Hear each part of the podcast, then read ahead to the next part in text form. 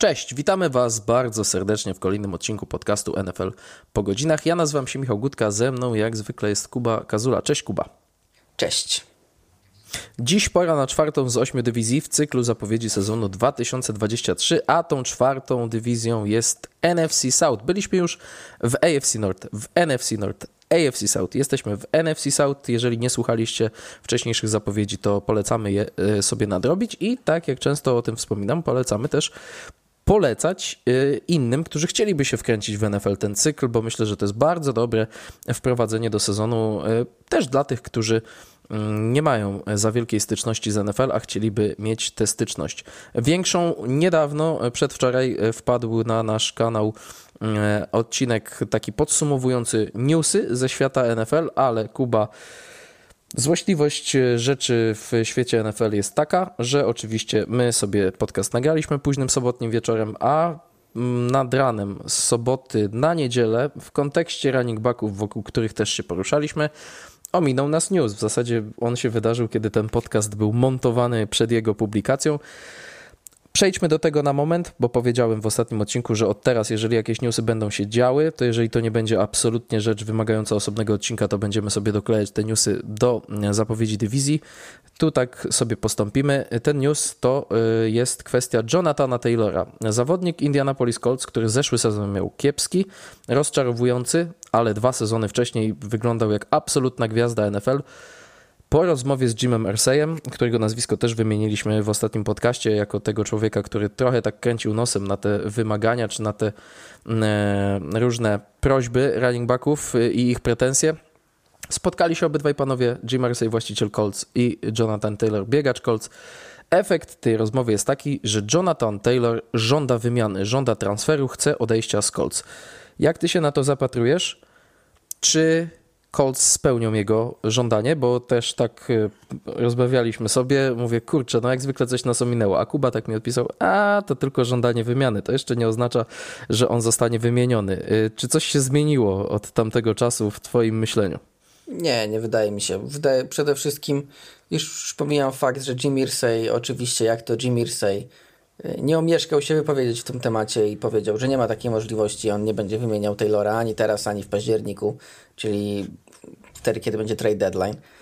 Mm, więc e, już pomijam to, że Jim Irsay lubi być, lubi sobie pogadać głupoty, a potem może się okazać co innego, ale to w tym wypadku akurat mówię, że bo wydaje mi się, że nawet gdyby stwierdzili, że że okej, okay, no dobra, wymienimy go, to nadal Colts będą żądać takiej ceny, której nikim w tej lidze nie da.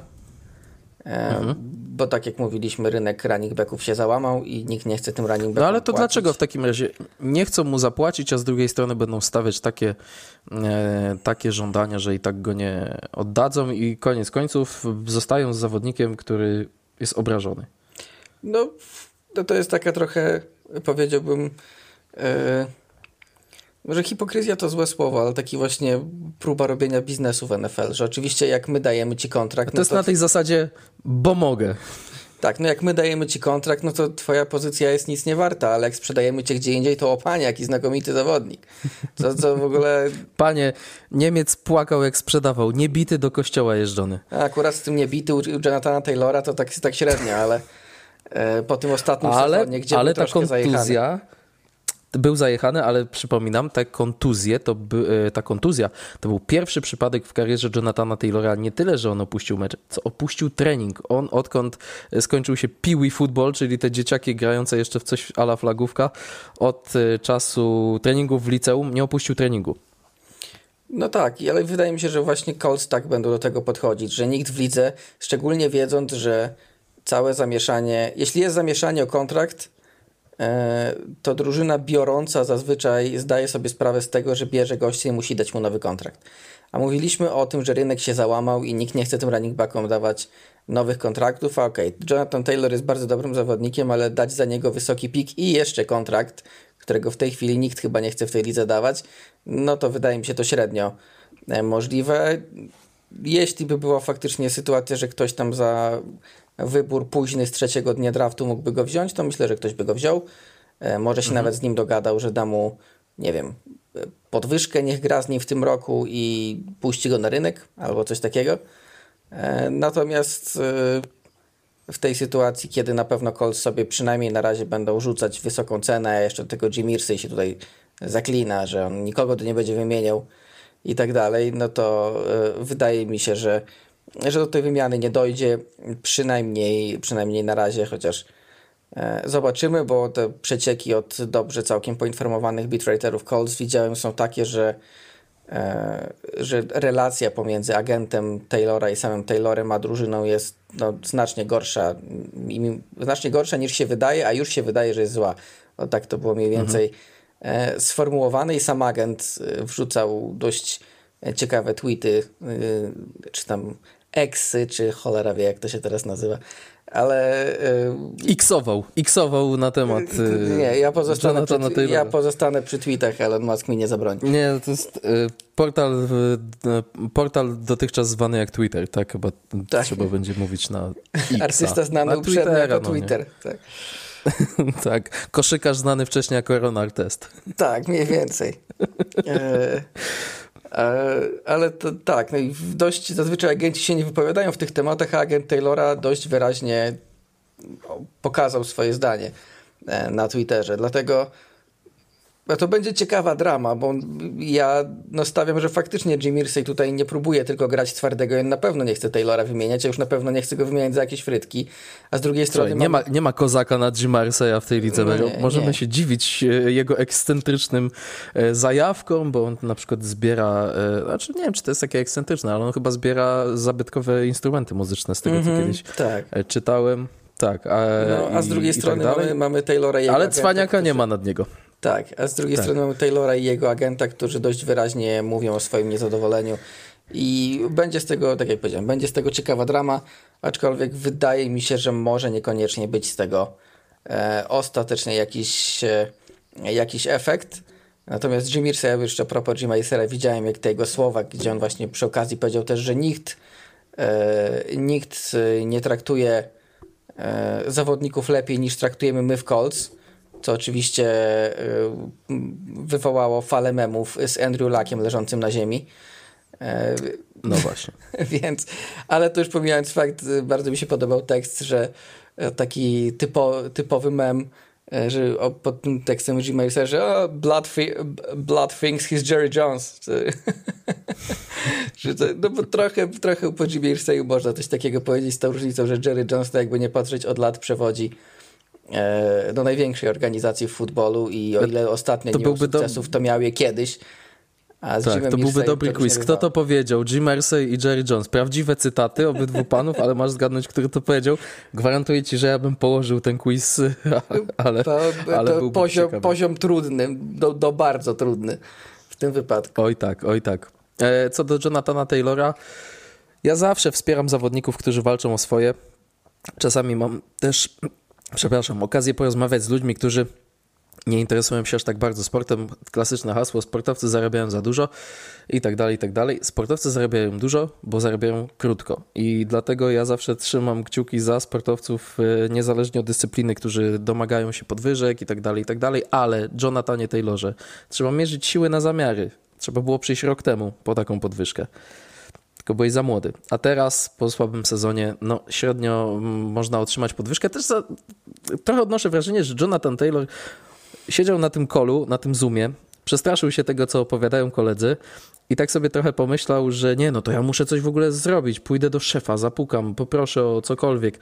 Eee, a nie wiem, czy troszeczkę za bardzo emocjonalnie nie potraktował tej kwestii, bo naprawdę on jest w stanie w przyszłym sezonie wrócić na e, poziom liczb sprzed dwóch lat i wtedy mieć naprawdę mocną kartę przetargową. A teraz tak, no nie wiem, chyba trochę za wcześnie wypalił z, z takimi pretensjami do, do Jima. No, chcieliśmy o to zahaczyć, ale trochę zgadzam się z tobą. Uwierzę w ten transfer, jak go zobaczę, a wydaje mi się, że go nie zobaczę. No tak, myślę, że mi niezadowolony Jonathan Taylor ostatecznie do drużyny wróci Ciekawe, jak to wpłynie na jego e, pozycję w drużynie i na to, jak, e, i na to, jak będzie grał. Ale, ale raczej transferu bym się tutaj nie spodziewał. No właśnie, to taki tylko krótki newsowy wstęp. Więcej rzeczy na szczęście się nie wydarzyło od, y, te, od ostatniego naszego nagrania, a więc możemy zająć się dywizją NFC South. Zanim jednak zajmiemy się zapowiedzią drużyna po drużynie, to przypominamy o kawce buycoffee.to ukośnik NFLPG. Tam zachęcamy do wspierania nas e, od najdrobniejszych 5-złotowych kwot. Bardzo dziękujemy za wszystkie pojawiające się wpłaty. Ten podcast dzięki Wam będzie się rozwijał e, i też od razu, e, chyba już o tym poniekąd wspominałem, ale przekonujecie nas do pomysłu Patronite'a, bo tam się pojawiają te Wasze notatki, do których mamy wgląd, kiedy te wpisy na Bajkofi się pojawiają i nie brakuje takich głosów, że ja to nawet nic od was ekstra nie chcę. Nie nagrywajcie nawet dla mnie odcinków dodatkowych. Po prostu Patronite jest wygodniejszy z perspektywy odbiorcy. Weźmiemy to pod uwagę i ten Patronite na pewno się pojawi. E, Kuba, NFC South, dywizja. Nie chcę cię już pytać, czy najsłabsza w lidze, bo już pytałem cię przy dwóch wcześniejszych e, innych, więc darujmy to sobie, ale w zeszłym sezonie najsłabsza w, w lidze. W tym wypadku akurat się zgodzę. Okej, okay. ja, ja jestem zdania, że AFC South jest najsłabsza, bo jesteś tak dobry czy tak słaby jak twoja ostatnia drużyna, ale w NFC South w poprzednim sezonie, jak ja to lubię mówić, odbywała się gratka w błotku 8 lub 7. E, to były liczby zwycięstw każdej z drużyn. I ostatecznie e, dywizję wygrali w zeszłym roku Tampa Bay Buccaneers z bilansem 8-9. Podobnie jak we wcześniejszych odcinkach, do których cały czas Was odsyłamy i zapraszamy e, już trzech wcześniejszych dywizji, na temat trzech wcześniejszych dywizji, polecimy sobie E, kolejnością taką, jaką te drużyny zajmowały na koniec minionego sezonu zasadniczego, a więc od rzeczonych Buccaneers rozpoczynamy. Tampa Bay Buccaneers e, Kuba z bilansem 8-9 zakończyli poprzedni sezon, weszli do playoffów jako zwycięzca dywizji, ale w tych playoffach odpadli szybciutko. Tom Brady żegna się i z Buccaneers i z ligą. Można powiedzieć, że te lata Toma Brady'ego to była taka niezła impreza, impreza, która się rozpoczęła hucznie od Super Bowl, a potem już nie było tak hucznie, a trochę teraz jest kac. E, I ten zeszły sezon to już też było takie, takie drugie poprawiny, można powiedzieć, bo już e, kilku niedobitków jeszcze tańcowało z Tomem Bradym, Tom Brady ciągnął ich na parkiet, a jak już wyszli na ten parkiet w playoffach, to raczej się wyrżnęli. Ci Tampa Bay Buccaneers no, rozczarowali w poprzednim sezonie z bilansem 8 e, 8-9 i za chwilę sobie do bardziej szczegółowej dyskusji na temat tej drużyny przejdziemy, ale mam wrażenie, że to jest jeden z tych zespołów przed nadchodzącym sezonem, gdzie spektrum może nie oczekiwań, ale spodziewanych rozstrzygnięć jest jednym z najszerszych spektrów w NFL w tym momencie. No, nawiązując do twojej, do twojej analogii, to w tamtym roku to były takie trochę bardziej oczepiny, gdzie niby wszyscy się dobrze bawią, ale tak naprawdę to ogarnia trzech. I. I tak te, te, w tym roku. Kogo w Tampa Bay Buccaneers wystawilibyśmy do jazdy w slalomem e, na rowerku dziecięcym, a kogo do zabawy jajko przez nogawkę mojej ukochanej weselnej zabawy, której nigdy nie uczestniczyłem, nigdy nie byłem świadkiem, ale słyszałem to i owo. Z rower, rowerek dziecięcy to na 100% jakiś liniowy, nie wiem, Ryan Jensen. Boże. Vita Vea. Vita Vea, o, no tak, to zdecydowanie. E, a z jajkiem przez nogawkę nie wiem. Jeśli mówimy o aktualnych y, Tampa Bay Buccaneers, to widzę Bakera Mayfielda. Także. Baker Mayfield we wszystkich zabawach i we wszystkich by, e, by wygrywał. No ale tak już zupełnie poważnie, Tampa Bay Buccaneers w zeszłym sezonie z 45-letnim Tomem Bradym dywizję wygrali, ale z, bez jakiegoś, bez stylu w ogóle, tak to nazwijmy i teraz ta drużyna jest układana na nowo i to szerokie spektrum oczekiwań wynika z tego, że mówi się, no ale tu jest przecież cały czas większość składu jeszcze z tego sezonu mistrzowskiego. Wszystko rozbija się o rozegranie i pewnie dzisiaj o rozegraniu też w kontekście Buccaneers będziemy mówić, mm, ale właśnie ciekaw jestem e, naszych zdań na temat tego zespołu, bo na koniec, jak to w przypadku każdej zapowiedzi dywizji, podajemy swoje mm, typy na kolejność tej dywizji. Trochę mam tak z Buccaneers, że uwierzyłbym w każdy możliwy scenariusz, jeśli chodzi o finish w tej dywizji. Ale przejdźmy sobie po stałych punktach naszej zapowiedzi sezonu, e, stałych punktach, jakie poruszamy w przypadku każdej drużyny. Kuba, najważniejszy nabytek Tampa Bay Buccaneers. Kogo wskazujesz? No, tu już mam trochę problem, bo z jednej strony e, to ja też ci powiem, że ja miałem problem i oszukałem w tej odpowiedzi, więc e, liczę, że ty tego nie zrobiłeś i słucham ciebie. Bo Bucks głównie jeśli już kogoś podpisywali, to po prostu zostawiali swoich zawodników w tym off-seasonie, więc to żadne nowe nabytki. Ja nie wskażę Bakera Mayfielda, no bo no, bez przesady. Ja wskażę, ale w innej kategorii. E, wskazałem Kodiego Maucha, bo raz, że fajnie byłoby go tu zaznaczyć ze względu na jego piękny wygląd, czyli garda wydraftowanego w tym roku przez Bucks, a dwa, że wydaje mi się, że To, ten być... to wygląda, ten to wygląda jak po 40 weselach z rzędu. tak, bez zębów, no i tak dalej. E, w każdym razie wydaje mi się, że to może być gość, który no, pomoże tej linii ofensywnej, dziurawej, jak ser szwajcarski. E, szczególnie, że na prawej stronie w tej chwili ma grać z Lukem Gedekim, o którym ja już tu wspominałem w którymś podcaście, że gość absolutnie nie ogarniał na gardzie w tamtym roku, więc nagrodę będzie taklem w tym. Tak, to był odcinek naszych e, rankingów ofensywnych, kiedy wspominaliśmy, że Tristan Wirfs jest w czołówce prawych takli, ale przeniesie się na lewego tak. w tym sezonie, więc jeszcze za stare występy e, jest w naszej czołówce prawych, ale teraz będzie lewym, a na prawym znajdzie się Gedeki i ty wtedy powiedziałeś Matko Bosko jedyna. Mniej więcej. I ten Luke Gedeki dalej się tam znajduje. Mm, poza, poza Małchem nie bardzo nikogo e, wzięli Bucks w drafcie pod tym względem, a Małch raczej taklem nie będzie był taklem na uczelni, ale od samego początku wszyscy mówili, że no, przy jego warunkach fizycznych i tym jak gra, no to raczej będzie gardem, a może nawet centrem bardziej niż taklem. No centrem oczywiście na razie nie będzie, bo jest Ryan Jensen swoją drogą e, piękny Był duet. tight endem, Cody Mauk zaczynał jako tight end e, na uczelni tak, w piękny, futbolu młodzieżowym. Tak piękny duet e, Jensen Mauch, dwóch pięknych rudowłosych panów i długowłosych przy okazji też, więc efekty są, tak. efekty są naprawdę ciekawe, natomiast no, ta linia jest podziurawiona. Tristan w zasadzie no, nazwiska są, ale Ryan Jensen jest po bardzo poważnej kontuzji w wieku już zaawansowanym jak na, jak na futbolistę. Tristan Wirfs jest świetny, ale zmienia pozycję, a tak jak mówiliśmy wtedy, no nie zawsze, nie każdy potrafi tak sobie, tak sobie przerzucić się z jednego miejsca na drugie i grać tak samo y, dobrze. Nawet jeśli będzie dobry, to możliwe, że nie będzie aż tak dobry, jak był z prawej strony. Mm, no a ta prawa strona, to ile e, ten Cody Mauch, lubiłem go bardzo, nie tylko ze względu na e, bardzo charakterystyczny wygląd, e, może tutaj pomóc tak. No to i Matt Filer powiedzmy jeszcze jako tako, ale ten Luke Gedeki z prawej strony tak mnie przeraża, że to po prostu pojęcie przechodzi, a jeszcze się okaże, że któryś z nich znowu złapie kontuzję, bo były z tym problemy rok temu, no to już w ogóle się to całkiem e, posypie, dlatego no mam nadzieję, że Mał chociaż trochę im pomoże w tym, żeby nie było absolutnego e, dramatu, bo jeszcze no, oddali przecież Shaka Masona do Texans. Tak. Tak. Moja oszukana odpowiedź dotyczy tej samej formacji. Moja oszukana odpowiedź brzmi powrót zdrowego Ryana Jensena. Traktuję e, Jurgen Klopp, znowu lubię czasami tu sięgnąć do piłki Premier League, którą się zajmuję zawodowo. Jurgen Klopp o piłkarzach wracających po kontuzji ma takich taki frazes.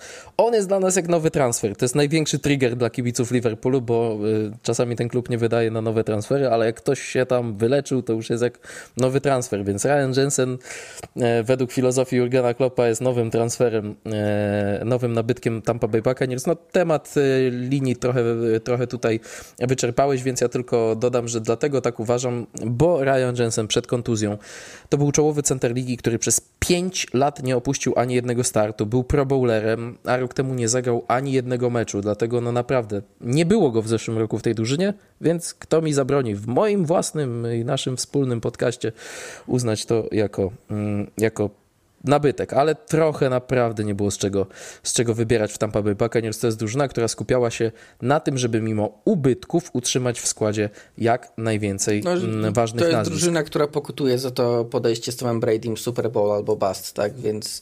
E... Warto było?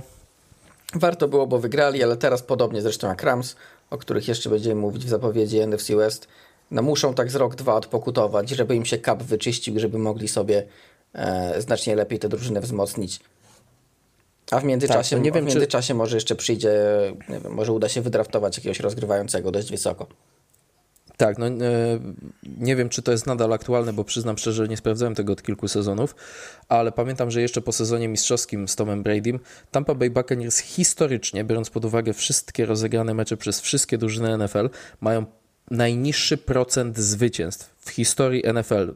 Niższy od Lions, niższy od, nie wiem, Browns, e, od Texans, którzy istnieją od niedawna i tak dalej, ale Tampa Bay Buccaneers mają dwa tytuły, więc to jest trochę podobna historia do tego ich pierwszego tytułu. Sezon 2002 zdobyli mistrzostwo, wtedy raczej elitarna defensywa, a tak to z Bradem Johnsonem, który jest uznawany za jednego z najsłabszych rozgrywających, którzy kiedykolwiek sięgnęli po Super Bowl. Mm, to jest y, taka, taka historia, która się powtórzyła. Y, Tampa Bay Buccaneers y, ponad 20 lat temu zdobyli Super Bowl i później byli przeciętniakiem albo kimś jeszcze słabszym i teraz wiele wskazuje na to, że mogą podążyć podobną drogą. Najlepsza formacja w Tampa Bay Buccaneers. Gdzie obsada jest najlepsza twoim zdaniem? E, na linii defensywnej, e, bo jest oczywiście Vita Vea, jest wybrany Kalajże Kansi, który co prawda widziałem, że został zwieziony z treningu niestety, ale na szczęście to jest chyba ta sama, przynajmniej wstępnie to jest ta sama sytuacja też z Joe Barrowem, czyli nie jest to kontuzja, która mu sezon zakończy, ale może utrudnić. W każdym razie jest Vea, jest Kalajże Kansi, e, Logan Hall wybrany też niedawno, dodatkowo Greg Gaines, bardzo niedoceniany zawodnik w Rams, ściągnięty teraz. E, William Goldstone, który też potrafił swoje zrobić, a do tego mamy edge rusherów, oczywiście Shaq Barrett i jeszcze Joe Tryon Shoinka, więc mm, to jest równa, solidna formacja z gościem pokroju Vey na środku. Mm, wygląda to całkiem dobrze. Jak mam dzisiaj głupawkę, to powtórzę żart, który kiedyś, kiedyś już powiedziałem na mm, antenie Nuance Radio, jak tam prowadziliśmy NFL po godzinach, Joe Tryon, czyli Józek Przymierz. Zawsze mam już to w głowie, że po prostu jakbyśmy tłumaczyli dosłownie nazwiska, to to jest Józek Przymierz, no ale dołożył sobie Joe Tryon Szoinka, kwestie rodzinne i tak Może dalej. właśnie po to. tłumaczył, więc tak, usłyszał NFL po godzinach, mówi, nie no, ten Gutka to takie głupoty wygaduje, że dość tych jego, dość tych jego sucharów. Ja nie wiem, czy nie poszedłem trochę w e, klimacie najlepsza formacja w tak zwany blast from the past. Wskazałem skrzydła. Mike Evans gra od 9 lat w NFL i zawsze przebijał 1000 yardów. Nikt nigdy tak nie zaczynał kariery. Chociaż trudno mówić, że ktoś zaczyna karierę, jak wkracza w 10 sezon. Chris Godwin w ostatnich 4 sezonach ma średnio prawie 1100 yardów przy 88 chwytach i 6 przyłożeniach. To są średnie e, z ostatnich 4 lat. Russell Gage ostatni sezon najlepszy w karierze 5 przyłożeń, chociaż trochę mniej yardów niż e, we wcześniejszych 3 latach. Falcons ta trójka sprawia, że już to jest wręcz wymarzony zestaw dla rozgrywającego. Ok, możesz odbić piłeczkę, ale Mike Evans młodszy już nie jest, a Chris Godwin w sumie nie tak dawno wyleczył poważną kontuzję, więc też nie wiadomo, czy wróci na ten swój naj, naj, najlepszy poziom. Ale wciąż uważam, że skrzydła, e, konkretnie pozycja wide receivera, to jest najlepiej obsadzona pozycja w tampie. No mnie tu najbardziej głębia martwi, bo mhm. ta trójka jest fajna, ale potrzeba znaczy zdecydowanie większej liczby, znaczy zdecydowanie trochę większej liczby skrzydłowych, żeby przejść przez sezon y, jakoś przyzwoicie. O ile w poprzednich latach ktoś tam się zawsze pojawiał, tak tutaj liczymy na odpalenie Treya Palmera, jakikolwiek, jakikolwiek jeszcze ostatnią młodość Davida Mura albo na inne nazwiska, które dla większości fanów NFL są anonimowe. Więc. Tak. E, nawet, też... nawet zasłużony Scotty Miller już tam nie gra. Tak, nawet Scotty Miller już tam nie gra. Mm, więc e, no jeszcze mamy, no i Godwin ma chociażby, i Godwin i Gage mają, mają historię e, kontuzji i omijania meczów. Myślę, że no bardzo trudno będzie, żeby ta trójka grała ze sobą, nie wiem. No wszystkich meczów to, raczej, to prawie żadna trójka będzie zagrała, bo tam zawsze się jakieś pojedyncze mecze zdarzą, ale no gdybyś mi powiedział, że że cała trójka zagra razem 15 z 17 meczów, to powiedziałbym, że no to już będzie wielki sukces Buccaneers, że mhm. coś takiego się uda. A jeśli się nie tak. uda, no to niestety e, tam z tyłu wygląda to słabo i to jest w sumie jedyny powód, dla którego ja akurat skrzydłowych nie wybrałem. Tak, chociaż y, gdybyśmy mieli takie bardzo łopatologiczne podejście do tego, najlepsza formacja, te trzy fazy gry, o których mówiliśmy, Defensywa jest lepsza od ofensywy. Być może, e, no nie pierwszy raz od kilku lat, ale pierwszy raz w taki zdecydowany sposób. Mm, myślę od przyjścia Toma Brady'ego i teraz już go oczywiście nie ma, ale od tamtego momentu. I zgodzę się o tyle z Tobą, że łatwiej po prostu wybrać którąś z pozycji w defensywie, chociażby z uwagi z uwagi na głębię, no ale ja poszedłem teraz, jednak... Szczerze mówiąc, teraz jak jeszcze spojrzałem, to tu też troszeczkę brakuje głębi, ale zrównałbym jeszcze z tym D-line'em sekundary, bo e, tak, tak. Bo to, Carlton, to Davis, Carlton Davis, Jamel Dean, Antoine Wilfield Jr. to jest naprawdę mocna, mocna ekipa, tylko że tak jak powiedziałem, tutaj brakuje w tej chwili e, ludzi z tyłu, e, jeśli tu podobnie jak w przypadku skrzydłowych. Tak, e, ale rzeczywiście defensywa zapowiada się na lepszą. Pięta Achillesowa Tampa Bay Buccaneers. No ja dałem tę linię, bo ona mnie przeraża, no. no po prostu. A ja dałem rozgrywających. Skoro rozmawialiśmy o linii, to ja dałem e, rozgrywających. Znaczy, skoro rozmawialiśmy o linii, to nie dlatego dałem rozgrywających, ale pomówmy o tych rozgrywających, które ja tutaj wybrałem, bo wydaje mi się, że też to spektrum, o którym e, wspomniałem na samym początku, rozbija się o pozycję rozgrywającego i Baker Mayfield będzie rywalizował z Kylem Traskiem. Baker Mayfield gra w czwartej drużynie w karierze i rok temu lepiej sobie radził po odejściu z Panthers niż w Panthers. E, lepiej sobie radził w barwach Rams, ale to był epizodzik. Kyle Trask rzucił 9 podań w meczach NFL i trochę byłem zdziwiony, że on w ogóle kiedykolwiek został wybrany w drugiej rundzie draftu, takich rozgrywających, których już się nie wybiera w dwóch najwyższych rundach. Klockowaty, bez jakiejś wiodącej cechy. Mam wrażenie, że to jest jedna z najgorszych par rozgrywających w NFL. E, nie wiem, czy tam jest rywalizacja, czy Baker Mayfield. Znaczy, Baker Mayfield w ogóle nie powinien uczestniczyć w rywalizacji z Kylem Traskiem, powinien ją spokojnie wygrywać, ale to też nie jest tak, że Mayfield jest e, jakiś wybitny. Po prostu jest lepszy od Kyla Traska, ale to też świadczy o tym, że Kyle Trask niczego nam do tej pory nie pokazał, a Baker Mayfield mam coraz większy problem z oceną tego zawodnika i gdybyśmy uznali, że on jest tą jedynką na rozegraniu w e, Tampa Bay Buccaneers i nasz e, ranking rozgrywających, też polecamy sobie odsłuchać, pociągnęli nie do top 10, tylko zrobili top 32, myślę, że Mayfielda miałbym w dolnej... Hmm, a teraz tak rzucę z głowy, bo nie chce mi się przechodzić przez 32 nazwiska. Siódemce, dolnej szóstce, piątce? Stąd no, mój tak, wybór. Tak. Jako pięta achillesowej Buccaneers. To jest taka pięta achillesowa, która no po prostu może absolutnie położyć im ten sezon. No może, wiadomo, wiadomo że z tym był, będzie problem po odejściu Toma Brady'ego i że nie mają za bardzo planu na ten moment Bucks, żeby cokolwiek z tym zrobić. Może być ciekawie z Mayfieldem, tak jak było chociażby w tym e, meczu o, pierwszym, no na pewno będzie ciekawie. E, pierwszym w, w Rams, który po dwóch dniach wygrał. E, z Raiders. Pięćdziesiątkę tam wrzucił, tak? Nie, e, to, był, to nie był jego pierwszy mecz, ale ten mecz, e, w którym tuż po przyjściu do Rams Baker Mayfield miał ten mecz, gdzie w święta wrzucił Broncos 51 punktów. To nie, to nie, to nie było. To, to było oni wtedy z Raiders, to on przyszedł we wtorek, a oni grali Thursday Night Football. Masz rację. I poprowadził serię na zwycięstwo. Tak. Tak, i poprowadził to serię na zwycięstwo. To Masz nie był rację. dobry mecz zdecydowanie mm -hmm. Bakera Mayfielda. Tam był strasznie jakiś niski wynik, ale. E, ale... 17-16, odpaliłem to sobie. 17-16 tak. i ten game winner Bakera Mayfielda. No. Później była porażka z e, Packers, e, gdzie zdobyli tylko 12 punktów, a potem w święta 51 do 14. Baker Mayfield w tym meczu 24 e, podania celne z 28 wykonanych i 230 yardów, dwa przyłożenia.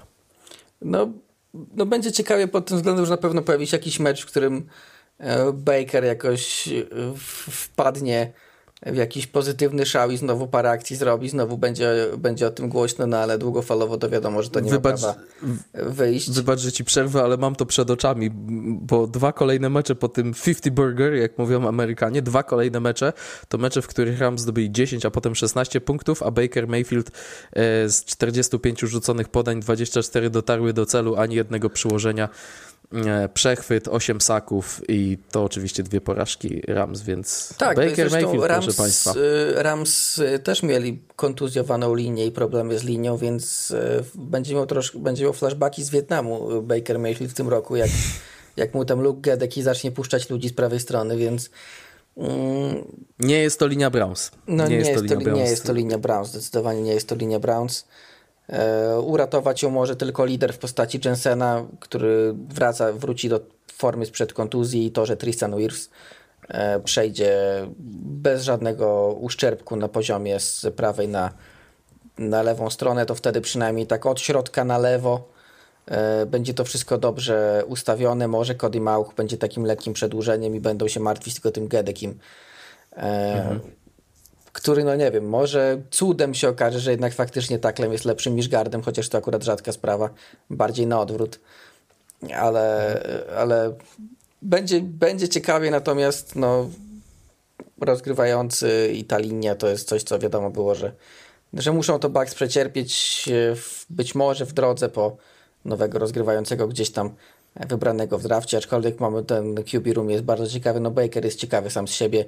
Kyle Trask to tak. prawdopodobnie, e, nie wiem, najwolniejszy rozgrywający od czasu Toma Brady'ego wchodzącego do ligi. A John Walford... Od czasu 48-letniego Bena Rotlisbergera tak. z jedną kostką.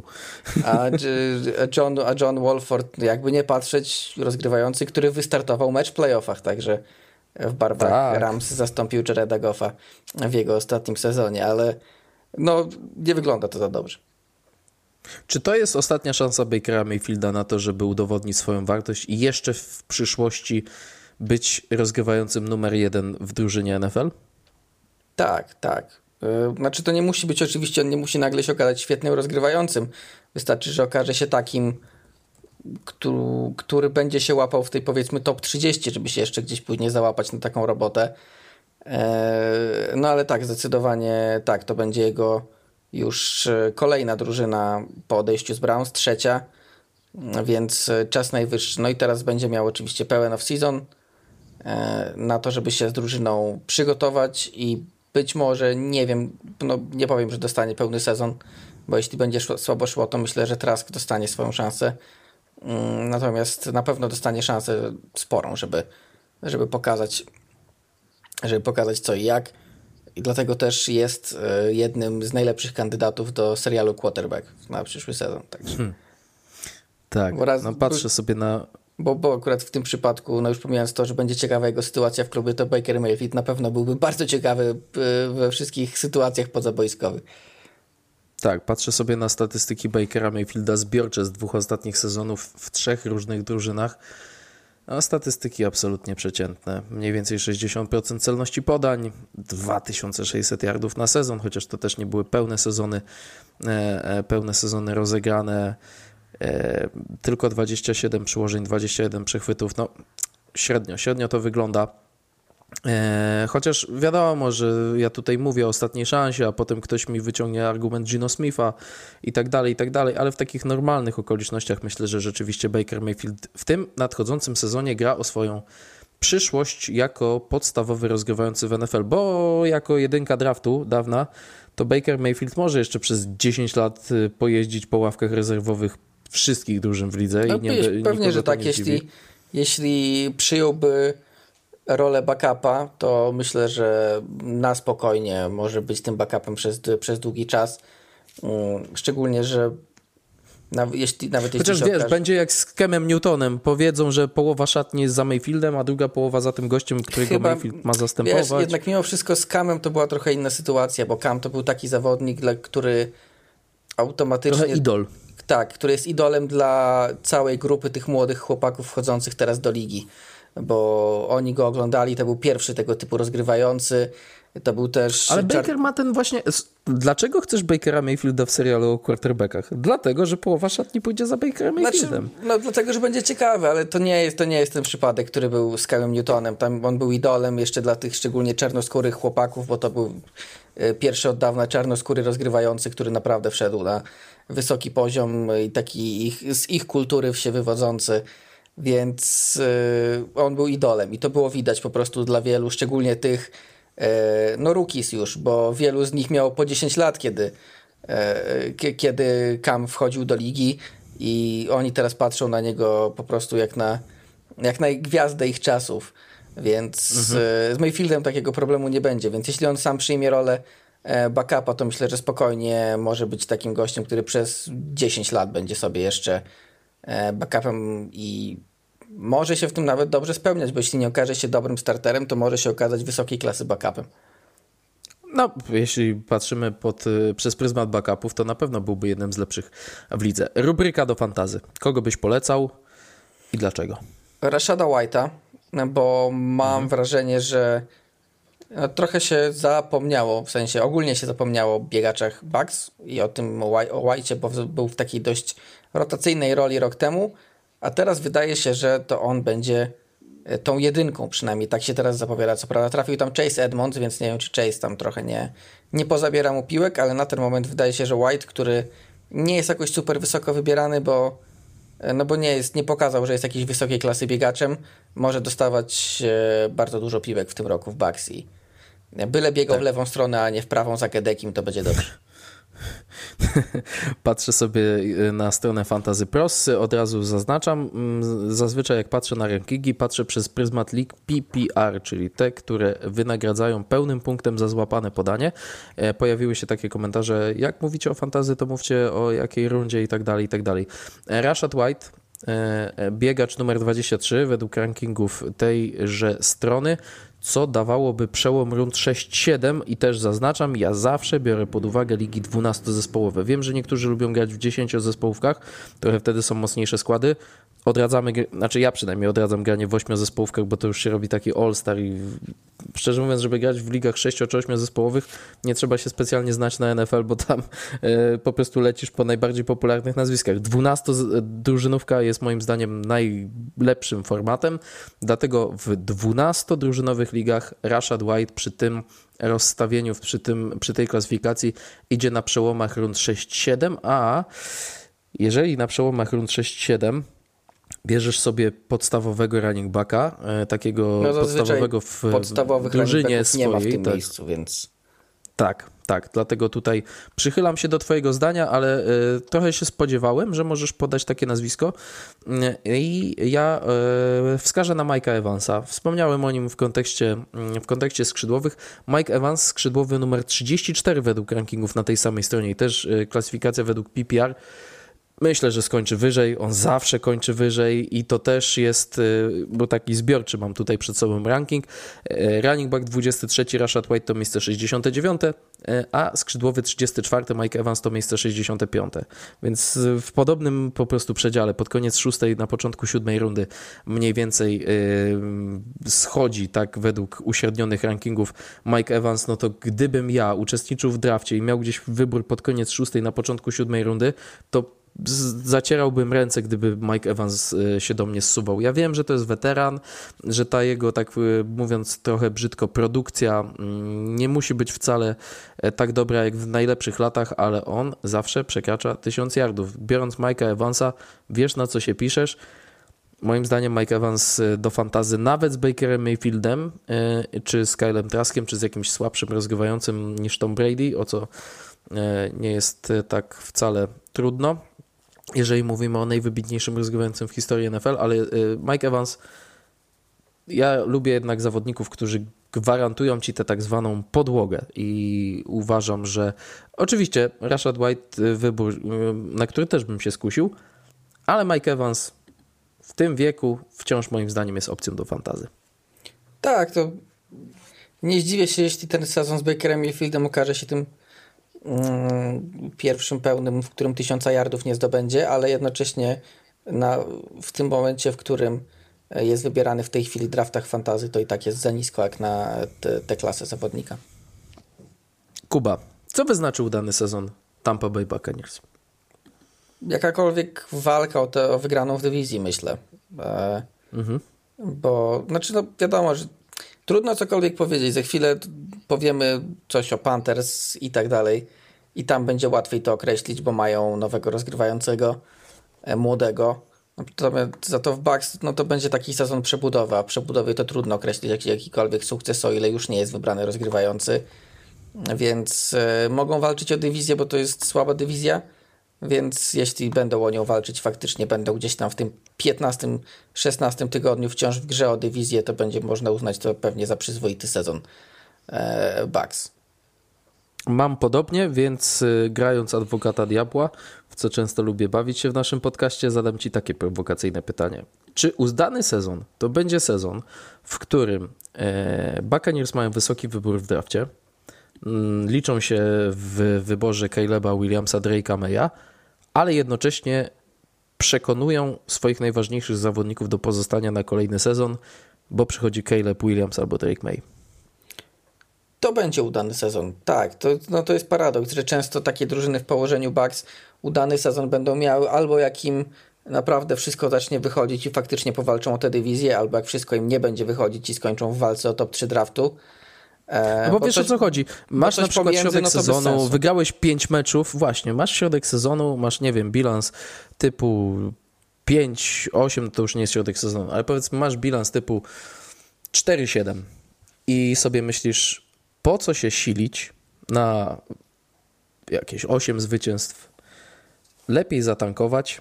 Chłopaki, tankujemy, bierzemy. I wtedy oddajesz drużynę w ręce Kyla Traska i on po prostu zakłada czapkę tank komandera i jedzie do samego końca. Na przykład, na przykład, ale wydaje mi się, że to jest taki sezon. Znaczy, ja sobie to też zdefiniowałem jako walkę o wygraną w dywizji, ale mam wrażenie, że długofalowo Buccaneers może się przydać taki sezon, gdzie naprawdę tankują. Tak, tak. Oczywiście wiadomo, powtarzamy to jak mantrę, że w NFL się tankuje bardzo trudno, nawet jeśli chcesz to zrobić. E, nawet jeśli chcesz to zrobić po prostu z góry, zakładasz że tak będzie. Znaczy ja lubię to określenie, że tankuje y, zarząd, a nie zawodnicy. Dokładnie tak, bo zawodnikom na tym nie zależy, trenerom często też. Widzieliśmy to po Texans e, w, w ubiegłym roku, którzy stracili pierwszy pik i co może być im wypominane, tak jak teraz wypominane jest to Jets, którzy w ten sposób wygrywając jeden mecz, którego nie powinni wygrać, stracili Trevora Lorenza i zostali z Zakiem Wilsonem Oczywiście możemy stwierdzić, że jeśli teraz Aaron Rodgers pociągnie ich do Super Bowl, no to ostatecznie rozwój wypadków i tak wyszedł na ich korzyść, ale, ale na ten moment wygląda, no, że ten mecz bardzo dużo znaczył dla przyszłości organizacji i tutaj może być podobnie z Texans.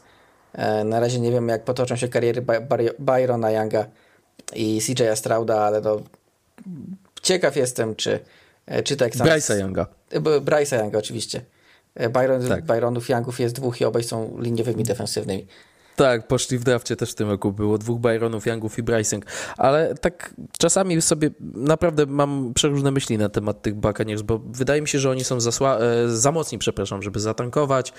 Ten skład jest też za mocny teoretycznie, pominąwszy rozgrywającego, żeby osiągnął sam z siebie bez tankowania bilans rzędu 5-12 czy 4-13, a potem sobie myślę, no ale być może ktoś podejmie taką decyzję albo stwierdzi, e, sezon się nie układa, może kogoś kogoś wytransferujmy, zyskajmy kolejne wybory, przecież kadrę mamy na tyle silną, że będą chętni na tych zawodników i tak dalej, i tak dalej, ale Buccaneers to dla mnie jedna wielka no, niewiadoma, Mike, Mike ale Evans, Mike Evans w takich rozmowach przebija się od zawsze, szczególnie teraz się będzie przewijał, bo, no bo ma już ponad 30 lat. E, Biorę go do Minnesoty. Myślę że, większo- myślę, że większość drużyn y, by go wzięła z podsuwaniem ręki, no bo ma, ma, to jest ten typ, który może być przydatny dla Bucks bo on nadal ma sporą wartość i ktoś za niego sporo zapłaci, a jednocześnie w Bucks myślę, że raczej zdają sobie sprawę, że Evans będzie już za stary na dobre granie w momencie, kiedy Bucks będą zamierzali dobrze grać, więc e, może się okazać, że to będzie jeden, mm, jeden z tych zawodników, natomiast ogólnie e, no trudno stwierdzić tak naprawdę, co z tymi Bucks. Ja, jak, ja w nich jakoś nie wierzę, biorąc, patrząc na to, jak ten atak nam się tutaj rysuje, mm, ale generalnie to spory znak zapytania, jeden z większych pewnie w tej lidze. Jeżeli mamy e, wśród słuchaczy fanów Bucks, którzy po odejściu Toma Brady'ego dalej pozostają fanów Bucks, proszę, żebyście się objawili, bo mam wrażenie, że mówię do pięciu osób na krzyż. E, a już, tak, a już, ta, a już, takich, do... którzy, już takich, którzy przed Tomem Brady'em byli fanami Bucks, to, to, to już w ogóle bym chętnie poznał. Szczerze mówiąc, poznałem w życiu jednego fana Bucks. To jest y, John, który przyjechał z Ameryki do Krakowa. Jak jeszcze studiowałem w Krakowie, to go tam A to poznałem. się nie liczyło, pewnie jest z Florydy. Tak. No e, właśnie. E, więc y, tylko jednego fana Bucks poznałem.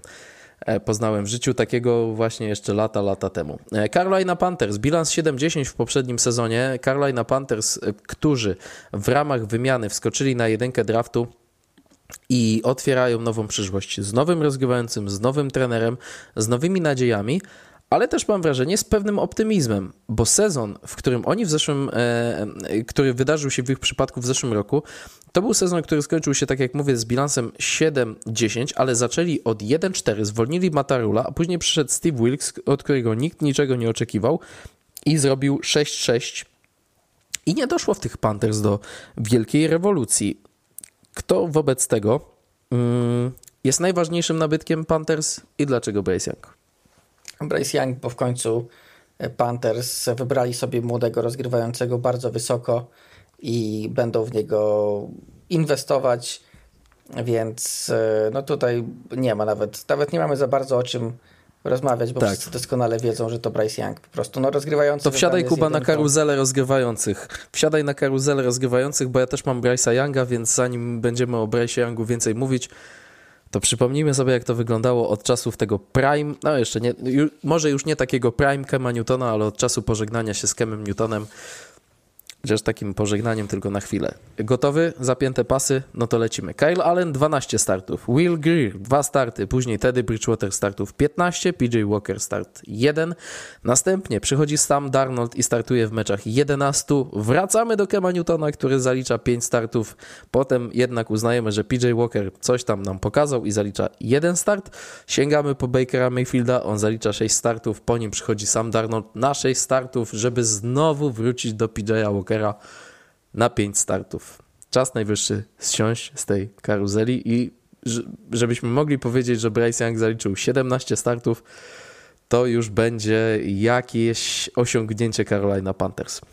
Co więcej, mam wrażenie, że Carolina, aktualnie Car- Carolina Panthers, którzy mają jako backupa doświadczonego Andy'ego Daltona, to Andy Dalton sam w sobie jest od 3 czwartych tych nazwisk lepszy, więc yy, to już dużo, to już dużo Od mówi o trzech- tym, jak, ten, od trzech czwartych, e, wyglądają. Od trzech czwartych, czyli od tych trzech dobrych meczów sama Darnolda i, tego, i tych dwóch dobrych meczów PJ'a Walkera. Tak, co najwyżej. Więc no teraz to wygląda dużo lepiej. Na pewno fani Panthers e, no mają, mają, się, mają się z czego cieszyć, bo idzie to wszystko w dobrym kierunku. Oczywiście wszystko będzie zależało od tego, czy Bryce Young wypali, czy nie wypali. No ale jeśli będzie chociaż dobrym rozgrywającym, no to to, to będą najlepsi Panthers od lat w przyszłych sezonach, a czy w tym e, to się okaże. Podoba mi się też to, co zrobili wokół Bryce'a Younga Carolina Panthers. Oni go wsadzili w taki inkubator dla rozgrywających. Frank Reich, Josh McCown, Thomas Brown, Jim Caldwell, Deuce Staley. Takim sztabem w ofensywie otoczony będzie Bryce Young. Ogromne oświ- doświadczenie trenerskie e, oraz doświadczenie jako zawodnicy w NFL. Reich i McCown jako rozgrywający w NFL spędzili w sumie 30 sezonów. Reich zajmuje się trenowaniem od lat 17. Jim Caldwell od lat, uwaga, 46, a w NFL od lat 23. No idealne warunki, żeby się rozwijać. Do tego jeszcze Thomas Brown, czyli taki zaufany współpracownik e, Shona McVeya, o którym mówi się, że może być e, w niedalekiej przyszłości trenerem głównym. Deuce Staley też były zawodnik. On był running backiem jako zawodnik, ale e, już obskoczył kilka sztabów w NFL. Pod względem tego think tanku, tak to nazwijmy, trafia Bryce Young w idealne warunki, mam Tak, wrażenie. do tego ma całkiem dobry skład, bo Panthers naprawdę taki mają, więc e, ma całkiem niezłych, niezłych skrzydłowych, w tym Adama Tillana, doświadczonego mu ściągnęli. Ma solidną Mój linię człowiek, ofensywną. zawsze będę, zawsze będę, e, no nie wiem, czy to nie jest w ogóle mój ulubiony zawodnik Vikings w historii, naprawdę, Adam Tillen z uwagi na całą drogę, jaką przeszedł w tym klubie i tak dalej, i tak dalej, e, zawsze będzie miał specjalne miejsce w moim sercu i koszulkę w mojej szafie. Tak, ale to, wygląda na to, że e, no, Panthers mają znacznie lepszą sytuację niż, e, niż drużyny, w, w- niż wiele drużyn w poprzednich latach, które wybierały rozgrywającego e, z jedynką. Ono, oni oczywiście wybrali po trade-upie, więc to samo to świadczy, że to nie była aż tak zła drużyna, ale wszystko, e, wszystko wygląda dobrze, na razie przynajmniej. Najlepsza formacja, najlepiej obsadzona pozycja albo y, zespół, y, grupa pozycyjna. E, ja wybrałem z secondary. E, Wybrałem tak samo. bo jest, y, bardzo lubię JC Horna, e, lubię Dante Jacksona, mimo że trochę warunków fizycznych mu brakuje. CJ Henderson to troszkę na razie zawodnik, który swojego potencjału nie spełnia, ale jako ten trzeci do głębi może jak najbardziej być. Eric Rowe doświadczony też swoje potrafi zrobić.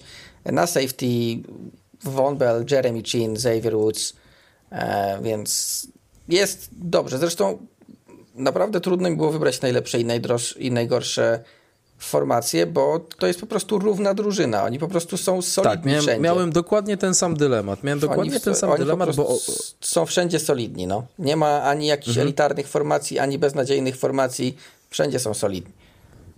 E, tak trochę sobie e, związaliśmy ręce, bo tutaj te, te, kategorie, w które kogoś wyróżniamy, nazwaliśmy sobie najlepsza formacja, a kategorie, w której kogoś e, ganimy, nazwaliśmy pięta achillesowa i tam poszerzamy sobie to spektrum, ale gdybyśmy mieli to ujęte nie jako najlepsza formacja, a największa zaleta, to ja bym w ogóle powiedział sztab trenerski, bo jeszcze doliczamy Ejiro Evero jako defensywnego koordynatora, ale właśnie Ejiro Evero rok temu sprawił, że obrona Broncos była piąta przeciwko podaniom według efektywności gry, a tu przejmuje skład z tym ogromnym potencjałem w sekundarii, o którym wymienił, e, który wymieniłeś, więc ja też wskazałem na sekundarii, ale ogólnie w tej obronie są filary jak Brian Burns, jak Frankie Louvu, Derrick Brown, Shaq Thompson. Naprawdę ja oczekuję wiele od tego składu, e, Mówię o składzie defensywnym Carolina Panthers, więc znowu tak w mega, mega uproszczeniu. Najlepsza formacja, ja bym powiedział, obrona, po prostu. I to dołączając do tego koordynatora.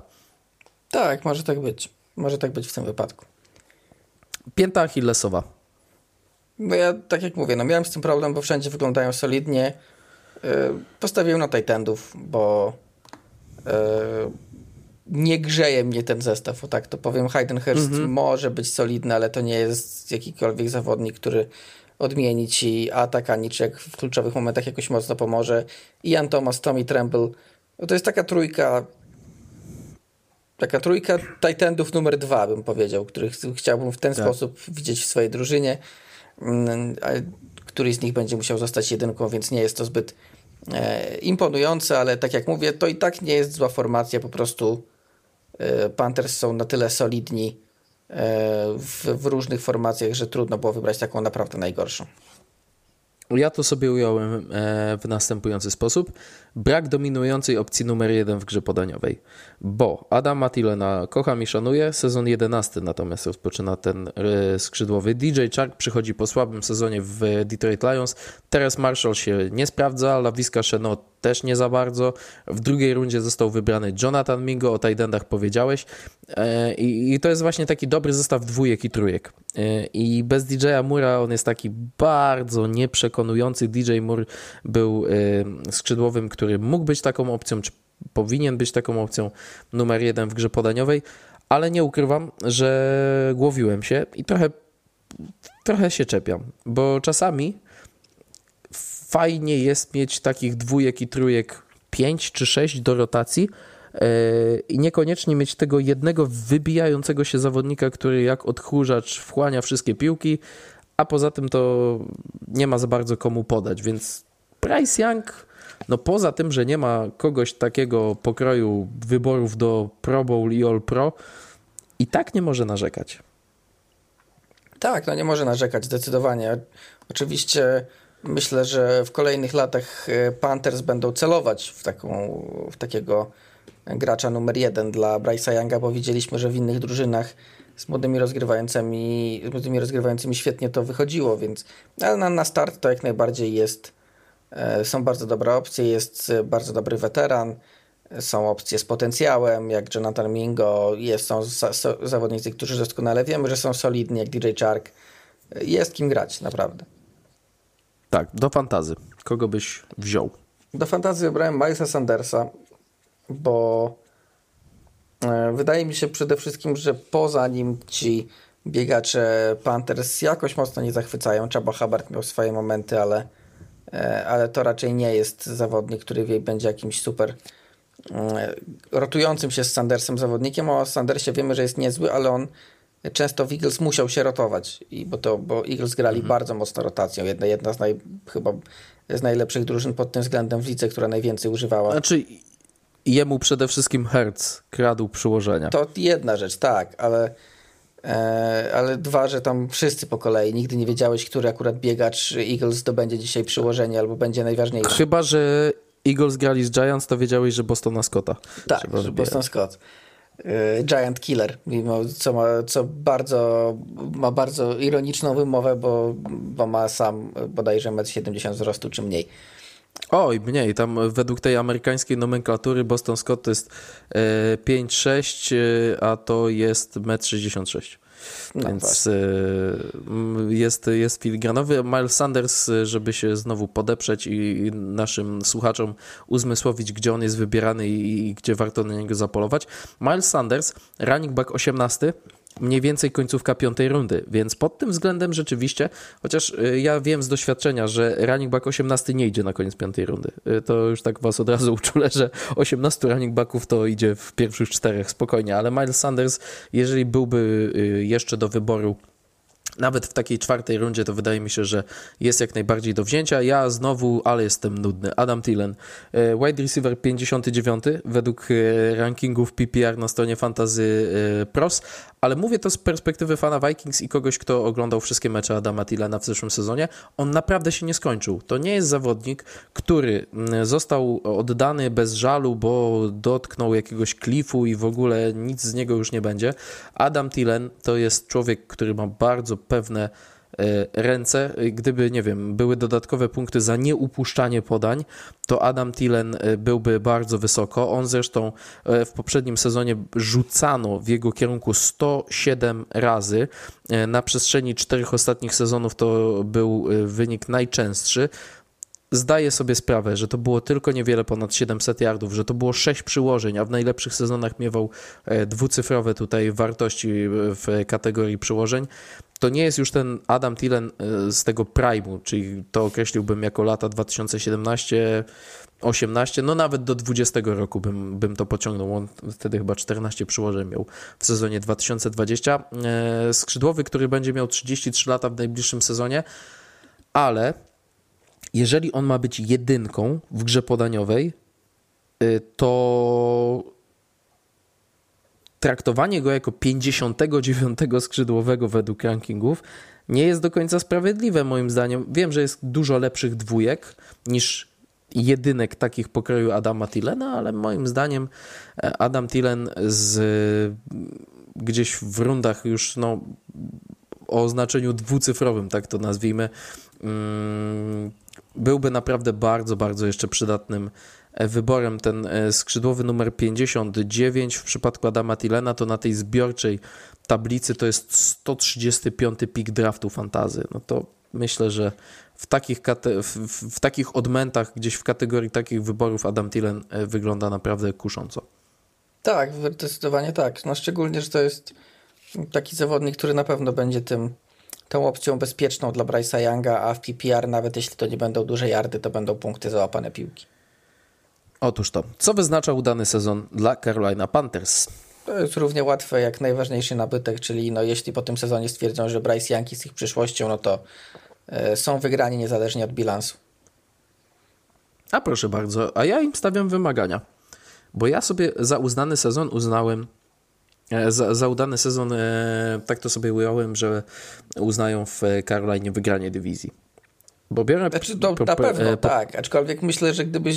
Znaczy, gdyby... jak wygrałem Super Bowl, to też uznałem za udany no, sezon, tak. ale ja mówię tutaj o jakimś takim najniższym poziomie, e, czy, czy jakimś takim realnym osiągnięciu. I potraktowałem e, to jako wygranie dywizji, bo jest nowy rozgrywający, nie ma aż tak wielu słabych punktów, ta kadra ma potencjał, jest stabilny, e, sztab trenerski bardzo stabilny, jest słaba dywizja. I wydaje mi się, że to, co działo się w zeszłym sezonie, napawa optymizmem, bo Zaczęli 1-4, zwolniony Matrul, potem przychodzi Steve Wilkes. On cząstkowo robi 6-6. Nie dochodzi do rewolucji, bo nie musi. Tylko dokładasz kompetentny sztab, spokój na rozegraniu.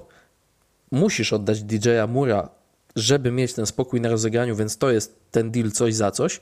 Ale ja naprawdę wierzę w Carolina Panthers i wydaje mi się, że można już w sezonie debiutanckim oczekiwać e, od Bryce'a Younga tego, że będzie przynajmniej te drużyny e, do końcowych faz sezonu mm, trzymał w tej walce o zwycięstwo w dywizji. Znaczy tak, no ale z mojej strony to tak trochę wygląda, że no może się okazać, że nie wygrają dywizji, ale będą pewni, że Bryce Young są, jest e, franczyzowym rozgrywającym. No i czy to wtedy nie będzie udany sezon? Chyba mimo wszystko będzie. Więc. No tak, tak. No to już kwestia, gdzie im zawieszamy poprzeczkę, ale ja po prostu jeszcze za kadencji Matarula e, miałem poczucie, że on marnuje potencjał tej drużyny. Wierzę, że po prostu przychodzi trener, który ten potencjał jest w stanie wykrzesać, a NFC South jest do wygrania no, przez każdego na dobrą sprawę. Więc yy, No może to taki trochę spoiler na, na kolejne zespoły, ale mam wrażenie, że tutaj przy każdej w jakiś sposób będę nawiązywał do zwycięstwa w tej dywizji, bo ona jest po prostu do wzięcia. Tak, tak, tak to, no, tak to wygląda. W tej dywizji wszyscy mogą wygrać, moim zdaniem, w tym roku, w zależności od tego, jak to się potoczy. A Carolina Panthers, moim zdaniem, mogą stać się dość szybko mm, jedną z tych drużyn, która będzie, że tak powiem, powszechnie lubiana przez jako ta któraś z rzędu, e, któraś, któraś na liście w kolei po twojej własnej ulubionej e, w lidze, bo zapowiada się to dobrze. Fajny roster. U mnie wielu... na pewno będą wysoko, bo poszedł tam zawodnik, którego nazwisko wymieniłem, to już 50 tak. razy. No ale jest młody rozgrywający, który jeśli wypali, to na pewno bardzo szybko sobie fanów zbierze. Jest świetny sztab, jest fajny roster, w którym mamy sporo młodych talentów, więc e, będzie się to fajnie oglądało. New Orleans Saints, kolejna drużyna na rozkładzie jazdy w zapowiedzi NFC South. Rok temu bilans 7-10. E, w moim odczuciu e, mocno rozczarowujący, bo byłem wręcz przekonany, że e, New Orleans Saints w playoffach wystąpią, w playoffach jednak nie wystąpili i teraz znowu wiele wskazuje na to, że urastają do roli faworyta NFC South. O tych liczbach tutaj pewnie wspomnę w trakcie dyskusji na temat, e, na temat tego zespołu, e, ale zacznijmy sobie standardowo. Najważniejszy nabytek New Orleans Saints przed nadchodzącym sezonem. No, Derek Carr, to musi być Derek Carr, bo wydali na niego grube pieniądze i ma być ich rozgrywającym na najbliższych co najmniej kilka lat. Mieli problem na rozegraniu, więc w takim układzie ten nowy, najważniejszy nabytek jest dość oczywisty, szczególnie, że poza nim wcale jakoś za bardzo aktywni Saints nie byli na rynku. Tak, też mam Dereka Kara i też się podparłem liczbami dotyczącej tak, dotyczącymi tak zwanej karuzeli. Od odejścia na emeryturę Drew w sezonie 2021 7 startów Jamisa Winstona i później doznaje kontuzji. Wchodzi Taysom Hill na 5 startów, a następnie Trevor Simeon na 4 i Ian Book jeszcze po drodze zalicza jeden start. W 2022 Andy Dalton 14 startów, Winston po powrocie do zdrowia trzy starty. Tutaj ta karuzela może nie jest tak obfita jak w przypadku Carolina Panthers, ale to byli rozgrywający, którzy nie gwarantowali solidnego poziomu. Najlepiej wyglądał w zeszłym sezonie Dalton.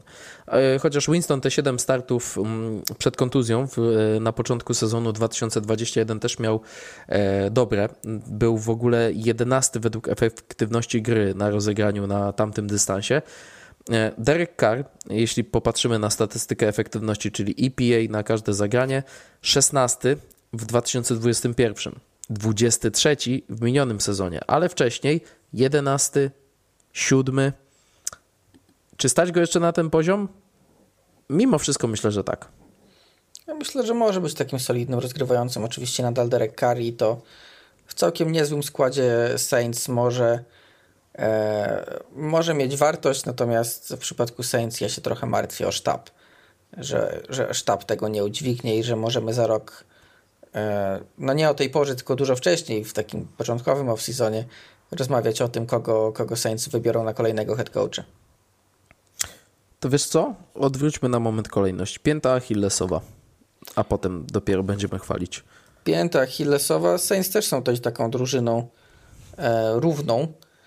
Natomiast mhm. ja, dałem, ja dałem linię defensywną, bo o ile mamy chociażby Kama Jordana jako edge rushera, tak e, jeszcze jest Peyton Turner, tak bardziej na, tyś, na tym środku linii defensywnej się skupiłem. Wybrany w drafcie Brian Breezy i to może być e, game changer tutaj, natomiast na ten moment nie widzę tutaj jakiegoś poważnego e, zagrożenia z tej strony. To może być solidna ekipa, ale wygląda najmniej imponująco chyba ze wszystkich w formacji w Saints, więc Calen Sanders, Nathan Shepard, Malcolm Carl Granderson, Malcolm Roach, no wybrali Briana Bristiego i Isaiah mhm. Foskeya i to może im sporo tutaj zmienić. E, Cam tak, Jordan ma 30, dwóch rundach. Tak, Cam Jordan ma 34 lata i co prawda w poprzednich sezonach nie, nie pokazywał jak, jakby miał spuścić stonu i grał całkiem nieźle, tak wydaje mi się, że w końcu też e, może się okazać, że to w tym sezonie troszkę zacznie spadać z poziomu i trzeba będzie uciekać, może nie uciekać, trzeba będzie kombinować z pieniędzmi, które, które, ma, które, ma, które są mu winni Saints, więc Cam Jordan to myślę przede wszystkim zaciera ręce na to, jakich rozgrywających będzie ganiał w tym sezonie. Bakera Mayfielda ludzie lubią albo nie lubią. Cam Jordan jako rywal nie będzie go lubił, a poza tym ma debiutanta Bryce'a Younga i kogokolwiek, e, kto... Nie, przepraszam, w Atlancie będzie Desmond Ridder, a nie kogokolwiek e, wybierze Arthur Smith. Natomiast ja dlatego chciałem odwrócić tę kolejność, bo w pięciu Achillesowej ja właśnie mam Denisa, ale na jego sztab. E, wydaje mi się, że to jest rzeczywiście coś, e, czy ktoś, kto może położyć e, sezon Saints. Dziesiąta defensywa według efektywności gry w poprzednim sezonie i tym się głównie zajmuje Denis Allen, ale w ofensywie 27 miejsce, jeśli chodzi o biegi, 18 jeśli chodzi o efektywność gry podaniowej. I też mam wrażenie, że z Denisa Allena jest słaby lider, a teraz jeszcze do ogarniania defensywy dołożył sobie Joe Woodsa, który zawiódł na całej linii w Cleveland Browns. I ogólnie ten sztab trenerski mam wrażenie jest kiepski i nieprzypadkowo mieliśmy Denisa Allena w naszym odcinku o trenerach na gorącym stołku. Mm, wydaje mi się, że on rzeczywiście walczy o posadę. Tak, tak, bez dwóch zdań walczy o posadę i e, nie zdziwię się, jeśli faktycznie to sztab stanie na drodze sukcesu Saints w tym sezonie. Najlepsza formacja. E, w najlepszej formacji mam ponownie sekundary mhm. bo podoba mi się bardzo ta, ta mieszanka. Oczywiście Marshawn Latimore, Tyron Matthew, Marcus May, dodatkowo Paulsona Dibo, który pokazywał się z bardzo dobrej strony rok temu. Z tyłu jeszcze Alonte Taylor, e, więc plus elitarne nazwisko Smoke, Smoke Mandaya, także e, to mniej sportowo, bardziej nazwiskowo, ale generalnie i i ci najlepsi głębie wydaje się być naprawdę dobra. W Secondary Saints to może być naj, najlepsze w dywizji. Nawet nie wiem, czy nie jedno z lepszych w konferencji. Smoke Monday to jest y, jak y, zawodnicy w NFL mają wolny poniedziałek po meczu i mieszkają w stanie Waszyngton albo w stanie Colorado. Y, kto wie, ten wie.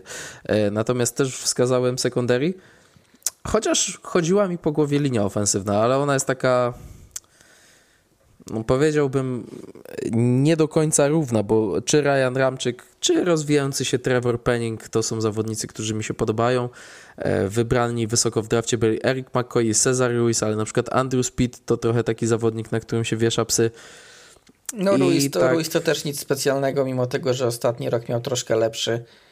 E, no a Trevor Penning jest całkowitym znakiem zapytania, bo prawie nie grał w tamtym tak. roku ale dlatego wskazałem właśnie z uwagi na te znaki zapytania i tą nierówność secondary, e, bo reszta defensywy trochę nam się starzeje w Nowym Orlanie. Linebackerzy z Demario Davisem na czele, e, linia, o której mówiłeś z Camem Jordanem, e, no właśnie, poza Camem Jordanem, który się starzeje, nie ma kogoś, kto by go trochę wsparł. Jeszcze z tej drużyny odchodzi Markus Davenport w trakcie tego off-season, więc ja też wskazałem na secondary jako to, co może być jednak najrówniejsze, najsilniejsze e, w zespole New Orleans Saints. E, kogo byś polecał do fantazy?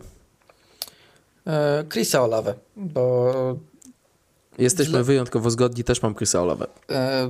To był to zawodnik, który bardzo dużo pokazał już w rookie sezonie, ale czasem rozgrywający mu w tym przeszkadzali.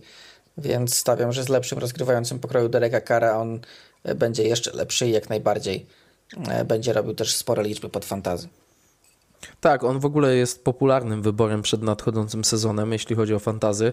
E, dwunasty skrzydłowy w rankingach Fantazy Pro, czyli przełom rund drugiej i trzeciej ale warto na pewno przycelować w Chrisa Olawę, bo on może skończyć jeszcze wyżej. E, ponad 1000 yardów w sezonie debiutanckim, złapał 72 piłki, rzucano w jego kierunku prawie 120 razy, co daje wynik w top 25 NFL. E, myślę, że na pewno dołoży przyłożeń i dlatego też e, wymieniam go tutaj w tej kategorii, bo on w sezonie debiutanckim przyłożeń miał 4, ale cali Saints mieli ich tylko 24, to jest środek ligowej stawki. Spodziewam się, że gra podaniowa w ogóle z, z Derekiem Carem jednak no ten, tą jedną półeczkę wyżej wskoczy i też skorzysta po prostu na tym Chris Olave. Tak, zresztą ja jestem fanem Chrisa Olave od draftu i, i po tym pierwszym sezonie uważam, że powinien być nawet w dyskusji o Rookie of the Year, ale mam wrażenie, tak. że zapomnie, zapomniano o nim tak jak zapomniano o całych Saints. Po prostu. Ciekawie będzie, jeśli chodzi o fantazy z grą biegową. Alvin Kamara na razie i wiele wskazuje na to, że docelowo w tym sezonie uniknie zawieszenia. Mm, I y, Jamal Williams się tam pojawił, czyli król przyłożeń biegowych z poprzedniego. I jeszcze sezonu. Miller wybrany w drafcie, bardzo obiecujący prospekt. Tak, więc y, w tej grze biegowej też może być kilka opcji e, do fantazy. Z tych biegaczy, którego najchętniej byś y, przytulił w fantazy? Szczerze mówiąc, bałbym się któregokolwiek. Oczywiście Alvin Kamara, to jeśli by, jeśli uznamy, że faktycznie już na pewno będzie grał od samego początku i nie będzie tu już nic strasznego, no to on, no bo talent jednak robi swoje, natomiast wydaje mi się, że tutaj się będzie bardzo dużo działo w tym, w tym backfieldzie. Alvin Kamara w tym momencie na tej samej stronie, co wszystkie rankingi, na które się powołuje, jest w, wśród running backów pomiędzy Isaiah Paczeką a Jamesem Cookiem running back 29. No, biorąc pod uwagę, że Alvin Kamara to był kiedyś w dyskusji o jedynce draftów w fantazy, no to zjazd jest duży, wiemy z czego wynika, ale dopóki nic nie mówi o tym, że Kamara ma opuszczać mecze, to wciąż myślę, można na niego stawiać. A Jamal Williams, no raczej zeszłorocznego wyniku, jeśli chodzi o o przyłożenia nie poprawi i też widzę, że rankingi nie są dla niego hojne, bo on jest jeszcze o 10 pozycji wśród e, running backów niżej od Alwina Kamary, ale to też może być zawodnik, no, gdyby się okazało, że Kamara jest w jakikolwiek sposób zawieszony, no Jamal Williams rośnie nie wiadomo jak, ale tysiąca yardów i 17 przyłożeń z zeszłego sezonu, no myślę, że nie przebije. No nie, raczej nie. Trudno, trudno tak. Trudno by było to wywnioskować, więc e, jeśli chodzi ten, jeśli chodzi tutaj o, o fantazy, to ja bardziej w stronę Chrisa Olawę, bo reszta, reszta jest dość niepewna. Tak, co i jaki wynik wyznaczył dany sezon New Orleans Saints? Wygrana w dywizji. Wyłącznie wygrana w dywizji. Jeśli oni się zdecydowali, że podpisują Dereka Kara i dalej kontynuują te swoją politykę przesuwania pieniędzy i budowania drużyny na teraz bez jakiegoś poważnego resetu, no to muszą wygrać dywizję, żeby, żeby to im się opłacało. Mam tak samo. Linia over-under według Las Vegas na poziomie 9,5 w przypadku Saints, podczas gdy Panthers i Falcons, o których za chwilę po 7,5, Buccaneers 6,5. To też jest efekt dywizji terminarza, bo jak sobie spojrzałem, to w ogóle początek sezonu w terminarzu Saints jest taki, że oni mogą nabrać rozpędu, ale oni grają przeciwko AFC South, gdzie tylko moim zdaniem przeciwko Jaguars nie będą faworytem. Grają przeciwko NFC North, gdzie mogą wygrać z każdym, a uczciwie minimum powinni zrobić bilans 2-2 z drużynami NFC North, a na dostawkę e, dostają cieniujących Rams, New York Giants i New England Patriots. I tutaj mogą wygrać nawet trzy mecze. No e, tak, Dużo zależy kalendarz od Dereka mają bardzo łatwy Saints w tym roku. Tak, dużo zależy od kara, ale nawet 10 zwycięstw jest yy, realne. E, jeśli chodzi o, o, to, co mogą osiągnąć Saints. Ja cały czas nie mam zaufania do Denisa Allena, ale terminarz, talent, oczekiwania, wygrana w dywizji musi być uznawana za to minimum wręcz. E, I to już będzie uznane, to jest takie trochę minimum i maksimum, mam wrażenie w przypadku Saints, ale udany sezon to będzie po prostu pierwsze miejsce w NFC South.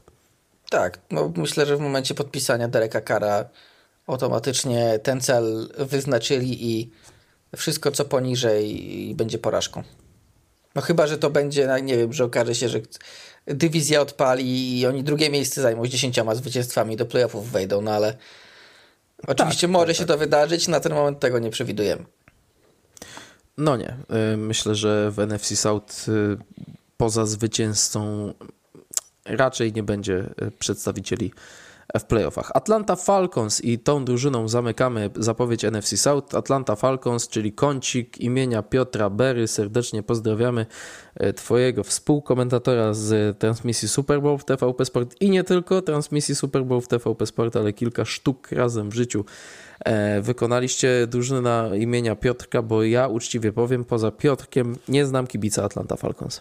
Ja znam, ja znam. Miałem okazję E, poznać. E, e, I to zresztą kolega, kolega Piotrka pracujący w Panthers Wrocław, więc okazuje się, że we Wrocławiu a, mamy, mamy paru, paru fanów Falcons, a może się okazać, że gdzieś tam jeszcze jest ich troszkę więcej. We Wrocławiu powinni być fani Carolina Panthers, a nie tak. Atlanta Falcons. To trzeba Piotrkowi e, powiedzieć, a... bo to trochę, trochę to no nie może tak to wyglądać.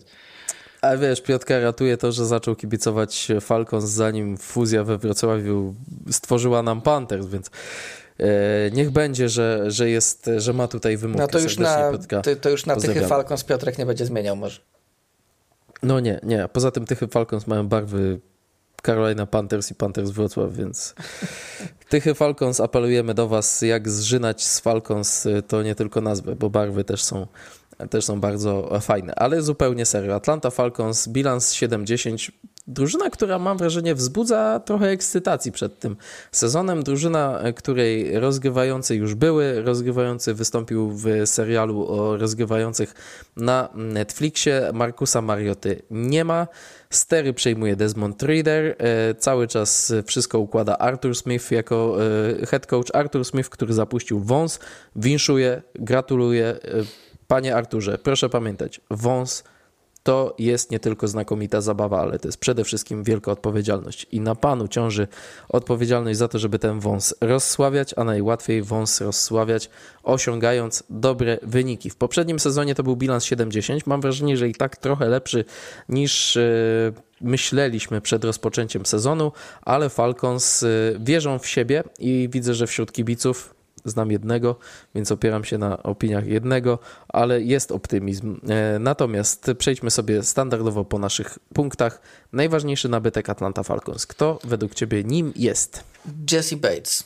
E, mam nowy, nowy safety mm, za grube pieniądze, który może się stać. E, to jest też trochę znak zapytania, bo safety nawet ci na wysokim poziomie potrafią często troszkę słabiej się wpasować w dany system, ale jeśli to zrobi, no to może się stać takiego, takim liderem defensywy, którego Falcons potrzebowali i, e, i to na ładnych parę lat, którym to wszystko ustabilizuje, bo różnie z tą obroną bywało, a teraz wygląda na to, że ta obrona ma, ma może nie jest nie jakiś super wielki potencjał, ma potencjał na to, żeby być w końcu naprawdę przyzwoitą. Tak, Ryan Nielsen e, defensywnym koordynatorem tej, tej formacji. No, e, Jesse Bates jako ten doświadczony safety rzeczywiście tutaj ma wnieść odpowiednią jakość. Ja, na, e, ja natomiast, jeśli chodzi o najważniejszy nabytek, może nie do końca spojrzałem ze strony sportowej, ale wybrałem Kalaisa Campbella, bo ja wiem, że Bijan Robinson czy Jesse Bates są właśnie bardziej e, przyszłościowi, są przede wszystkim młodsi, ale mam wrażenie, że Kalais Campbell to będzie prawa ręka trenera głównego i dwie prawe ręce e, koordynatora defensywnego. Bardzo, bardzo, bardzo podoba mi się ten ruch w wykonaniu Atlanta Falcons pod kątem budowania przyszłości i pod kątem budowania też takiej kultury szatni. Tak, zresztą e, Falcons mogą teraz wystawić e, wystawić linię Campbell, David Oniemata, Grady Jarrett, Bud Dupree i to jest taka taki bardzo doświadczony skład, e, który swoje też potrafi, więc myślę, że to doświadczenie... Z niejednego pieca chleb jadł, jak Tak, dokładnie tak. To wszyscy, każdy z nich w zasadzie.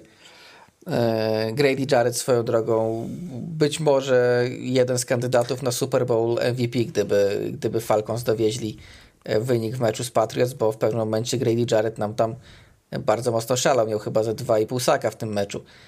Więc... No, Grady Jarrett w ogóle wygląda jakby jadł nie tylko e, chleb z pieca, ale cały piec jakby zjadł łącznie z tym chlebem potężna, potężna sylwetka, e, bo nie mam może dużo wzrostu, ale tej wagi, tej... To jest, tej, bardzo, cieka- to jest e... bardzo ciekawa postać, ponieważ Grady Jarrett faktycznie jest niewysoki, jest przy tym no, dość duży, w... 300 funtów przy niecałym 1,80 m wzrostu. Prawie 300 funtów. Dokładnie tak, więc wymiary są co najmniej dziwne, a co więcej, jest przy tym strasznie szybki, więc e, tak. to, to, to jest nietypowa bardzo budowa, ale skuteczna. Łatwiej go przeskoczyć, łatwiej go przeskoczyć niż okrążyć. Zdecydowanie tak. Ale, ale rzeczywiście myślę, że ta linia tutaj może naprawdę stanowić taki bardzo porządny filar zmieniającej się formacji defensywnej. Najlepiej obsadzona pozycja, najlepsza formacja, kto? Linia ofensywna, mhm. moim zdaniem, bo wydaje mi się, że oni już w tamtym roku pokazali, że świetnie się za nimi biega, co może być e, dobrą opcją przy takim talencie, jakim jest Bijan Robinson. ale Caleb McGarry, tak jak oni mają swoje, e, swoje słabości, troszkę gorzej ta linia broni podań, ale, jeśli, ale w grze biegowej są absolutnie Przecież świetni. oni nie będą rzucać. Tak, no właśnie, więc po co? Caleb McGarry, Chris Lindstrom, Jake Matthews, w środku nawet Drew Dalman i Matt Hennessy, a w dodatku Matthew Bergeron został jeszcze wybrany w tym roku, więc naprawdę jest czego składać tę linię ofensywną tak, żeby ona naprawdę była na wysokim poziomie. I to pomoże i Bijanowi Robinsowi, i być może Desmondowi e, Readerowi, jak już e, będzie tego, jak już będzie tego potrzebował. Wiem, że pozycja, którą wskażę, wynika bezpośrednio z pozycji, którą wskazałeś ty, ale ja jako najlepiej obsadzoną formację wziąłem biegaczy. Bijan Robinson, Tyler Algier, Cordell Patterson, czyli Earth, Wind and Fire był kiedyś taki zespół funkowy i myślę, że e, chyba któryś zestaw e, running backów lata, lata temu też miał taką ksywę, ale mogą sobie w Falcons przejąć e, tę ksywę. Jest tutaj ogień, jest tutaj wiatr, jest tutaj ziemia, bo będziemy orać e, te boiska NFL. Kocham ten zestaw, naprawdę. Arthur Smith ponadto świetnie opracowuje biegowe schematy. Podoba mi się ta linia, tak jak wspomniałeś, ale myślę, że ten zestaw idealnie się uzupełnia, daje dużo opcji, także w grze podaniowej, także żeby zestawiać ich dwóch, trzech naraz na boisku. Ja mam wrażenie, że to będzie chodzić, tylko będzie furczało. Tak, tak. Jest, wydaje mi się, że to jak najbardziej ma ma duży potencjał. Zresztą mówiąc o tym ataku, nie możemy zapominać, że, gdy, jak, że gdyby Desmondowi, Readerowi nie szło, to tam jest Tyler Heineke. I to jest y, ładny pomost do pięty achillesowej, którą ja jako y, ja wskazałem jako rozgrywający numer jeden celowo y, i wydaje mi się, że mm, może inaczej. Desmond Reader to jest niemalże debiutant, więc nie będę go tutaj specjalnie krzyżował, ale uczciwie, obok sama Howella w Commanders, o czym porozmawiamy szerzej w zapowiedzi NFC East, to moim zdaniem Falcons wchodzą w sezon z najsłabszym rozgrywającym. Zmiennikiem jest nasz ukochany Taylor Heineke i jestem niemal pewien, yy, założyłbym się o jakieś pieniądze. Po pierwsze, o to, że Heineke będzie startował w tym sezonie, a po drugie, postawiłbym niemałe pieniądze na to, że za rok w Falcons będzie jakiś weteran. Albo Kirk Cousins, albo z uwagi na połączenia z Arturem Smithem Ryan Tannehill, bo nie wierzę, że Falcons będą aż tak słabi, by móc wziąć Caleba Williamsa lub Drake'a Maya, chyba że zaszaleją z wymianą w trakcie draftu. Ale jeśli Desmond Reader jest ich gościem, stosując językową kalkę, to ten rozgrywający numer jeden jest uczciwie piętą Achillesową Falcons. Y tak, tak, to oczywiście tak. Natomiast nawiązując jeszcze do tej klasy draftowej, o której mówisz, zbliżającej się, e, to tam niewykluczone jest, z tym musimy trochę poczekać oczywiście, ale tam niewykluczone jest, że e, to będzie taka trochę klasa jak ta 2021. Ona będzie znacznie lepsza na szczycie, nie licząc Trevora, który był wielkim talentem i w sumie jest podobna trochę, biorąc pod uwagę, jakim, jakim talentem jest uznawany Caleb Williams w tej chwili, ale może być podobna mhm. pod tym względem, że są nazwiska, które w ciągu tego roku mogą nam się wyklarować jako tacy zawodnicy pokroju Maca Jonesa, których chętnie weźmiesz przy pikach 10-15 i może się okazać, że któraś z tych drużyn, e, która będzie potrzebowała nowego rozgrywającego jest w tej chwili zbyt dobra, żeby, e, żeby walczyć o pierwsze piki w drafcie, może sobie wybrać rozgrywającego tam i to też, też zawsze mhm. jest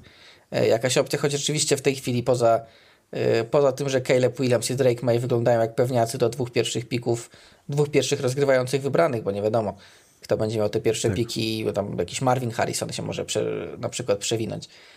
E, ale wydaje się, że, że, że oni są pewniakami jako dwóch pierwszych rozgrywających, a jest naprawdę kilku kandydatów, e, którzy mogą nam tutaj urosnąć i jednocześnie dać wtedy szansę tym drużynom, które będą szukały, a będzie ich na pewno sporo, żeby wybrać gdzieś tam w tych pikach.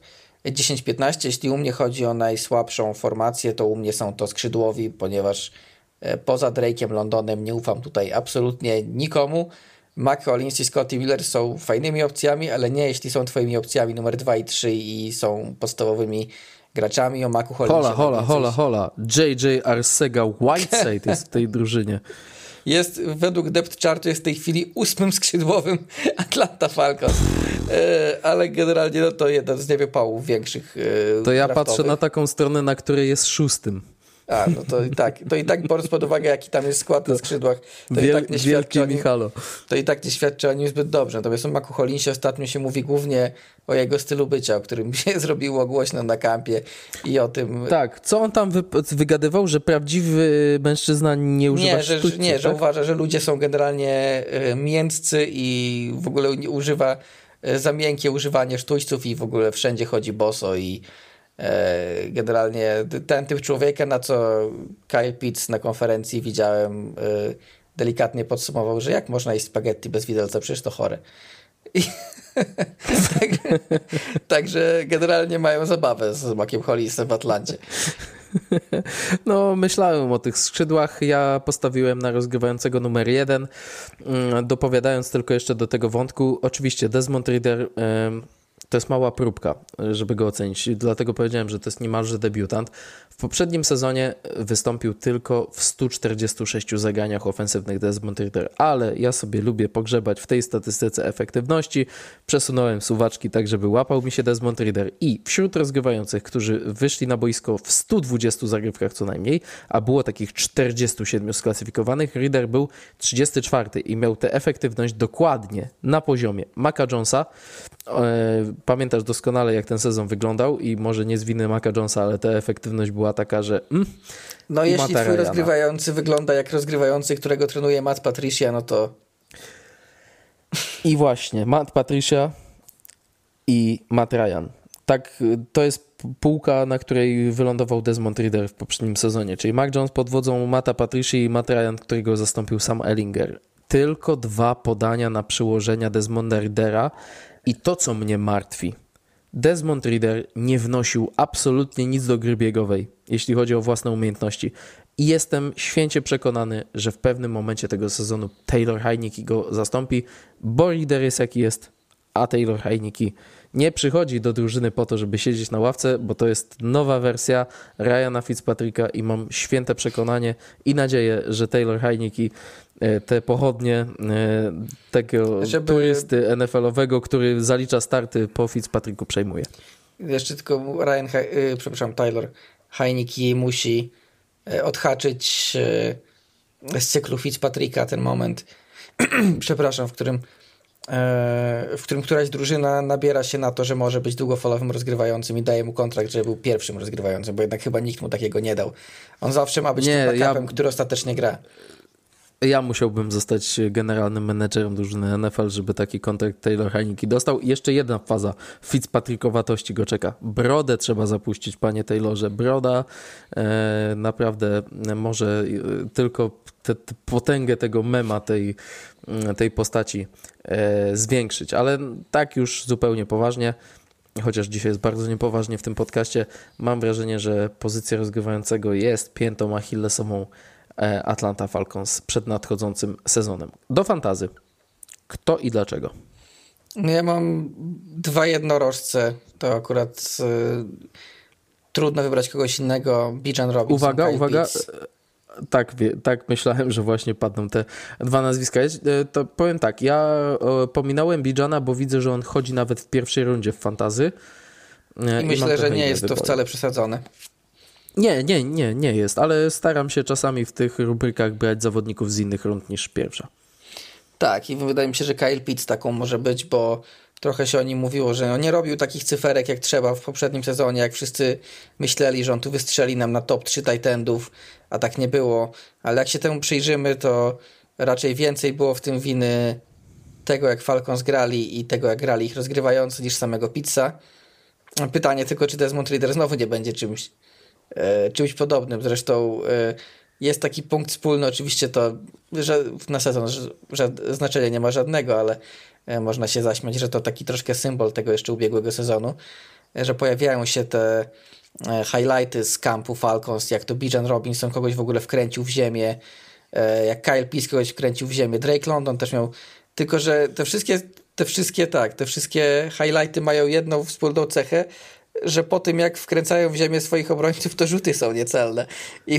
No właśnie, ostatnio się śmiałem, dosłownie rozmawialiśmy o tym z Piotrkiem Berą, którego nazwisko znowu tutaj pada, ale Piotrek mi wysłał taki crossover, który Bijan Robinson zrobił, a potem rzut, po który Bijan prawie się musiał przewrócić i wywrócić do przodu, żeby jeszcze żonglując piłkę w ogóle ją złapać. I to, z tego śmiałem, że e, no, podań, e, punktów fantazy za piękny crossover i zgubienie obrońcy nie ma, więc no ale jeśli, podania się trochę jeśli, ogląda, jeśli oglądali, oglądacie film e, z meczów e, na przykład, no to zobaczycie, że to było życie Kyla Pizza w tamtym sezonie. Wszyscy mówili, dlaczego Pizz nie, dos, dlaczego Pizz nie dostaje piłek i dlaczego Pizz nie ma cyferek, a potem oglądasz ten mecz i widzisz, jak biegnie Kyle Pizz e, sam na długości boiska, a piłka leci 3 metry przed nim. No i tak to, i tak, tak. to troszkę czasem wyglądało, więc... E, Dużo zależy od Desmonda Lidera. Również przydatność mhm. fantazy e, Kyla Pizza czy Drake'a Londona od, od, niego, od niego zależy, ale miejmy nadzieję, że nawet jeśli nie będzie jakimś elitarnym rozgrywającym, to chociaż nie będzie swoim kolegom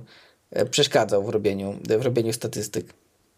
Ja nie wybrałem tutaj pizza, bo troszeczkę się obawiam o przyjście Johnu Smitha. John Smith e, po słabym pobycie w Patriots, ale John Smith to człowiek Artura Smitha i on pokazywał się z dobrej gry, e, z dobrej strony w grze podaniowej, też wredzą zabierał te piłki. Wydaje mi się, że on może ten potencjał pizza troszkę obniżać. Ja do fantazy wskazałem Drake'a Londona i Tylera Algira, bo Bijan Robinson idzie w pierwszych rundach, to nas nie dziwi, ale e, Drake London, e, skrzydłowy numer 21, który chodzi nawet w piątej rundzie.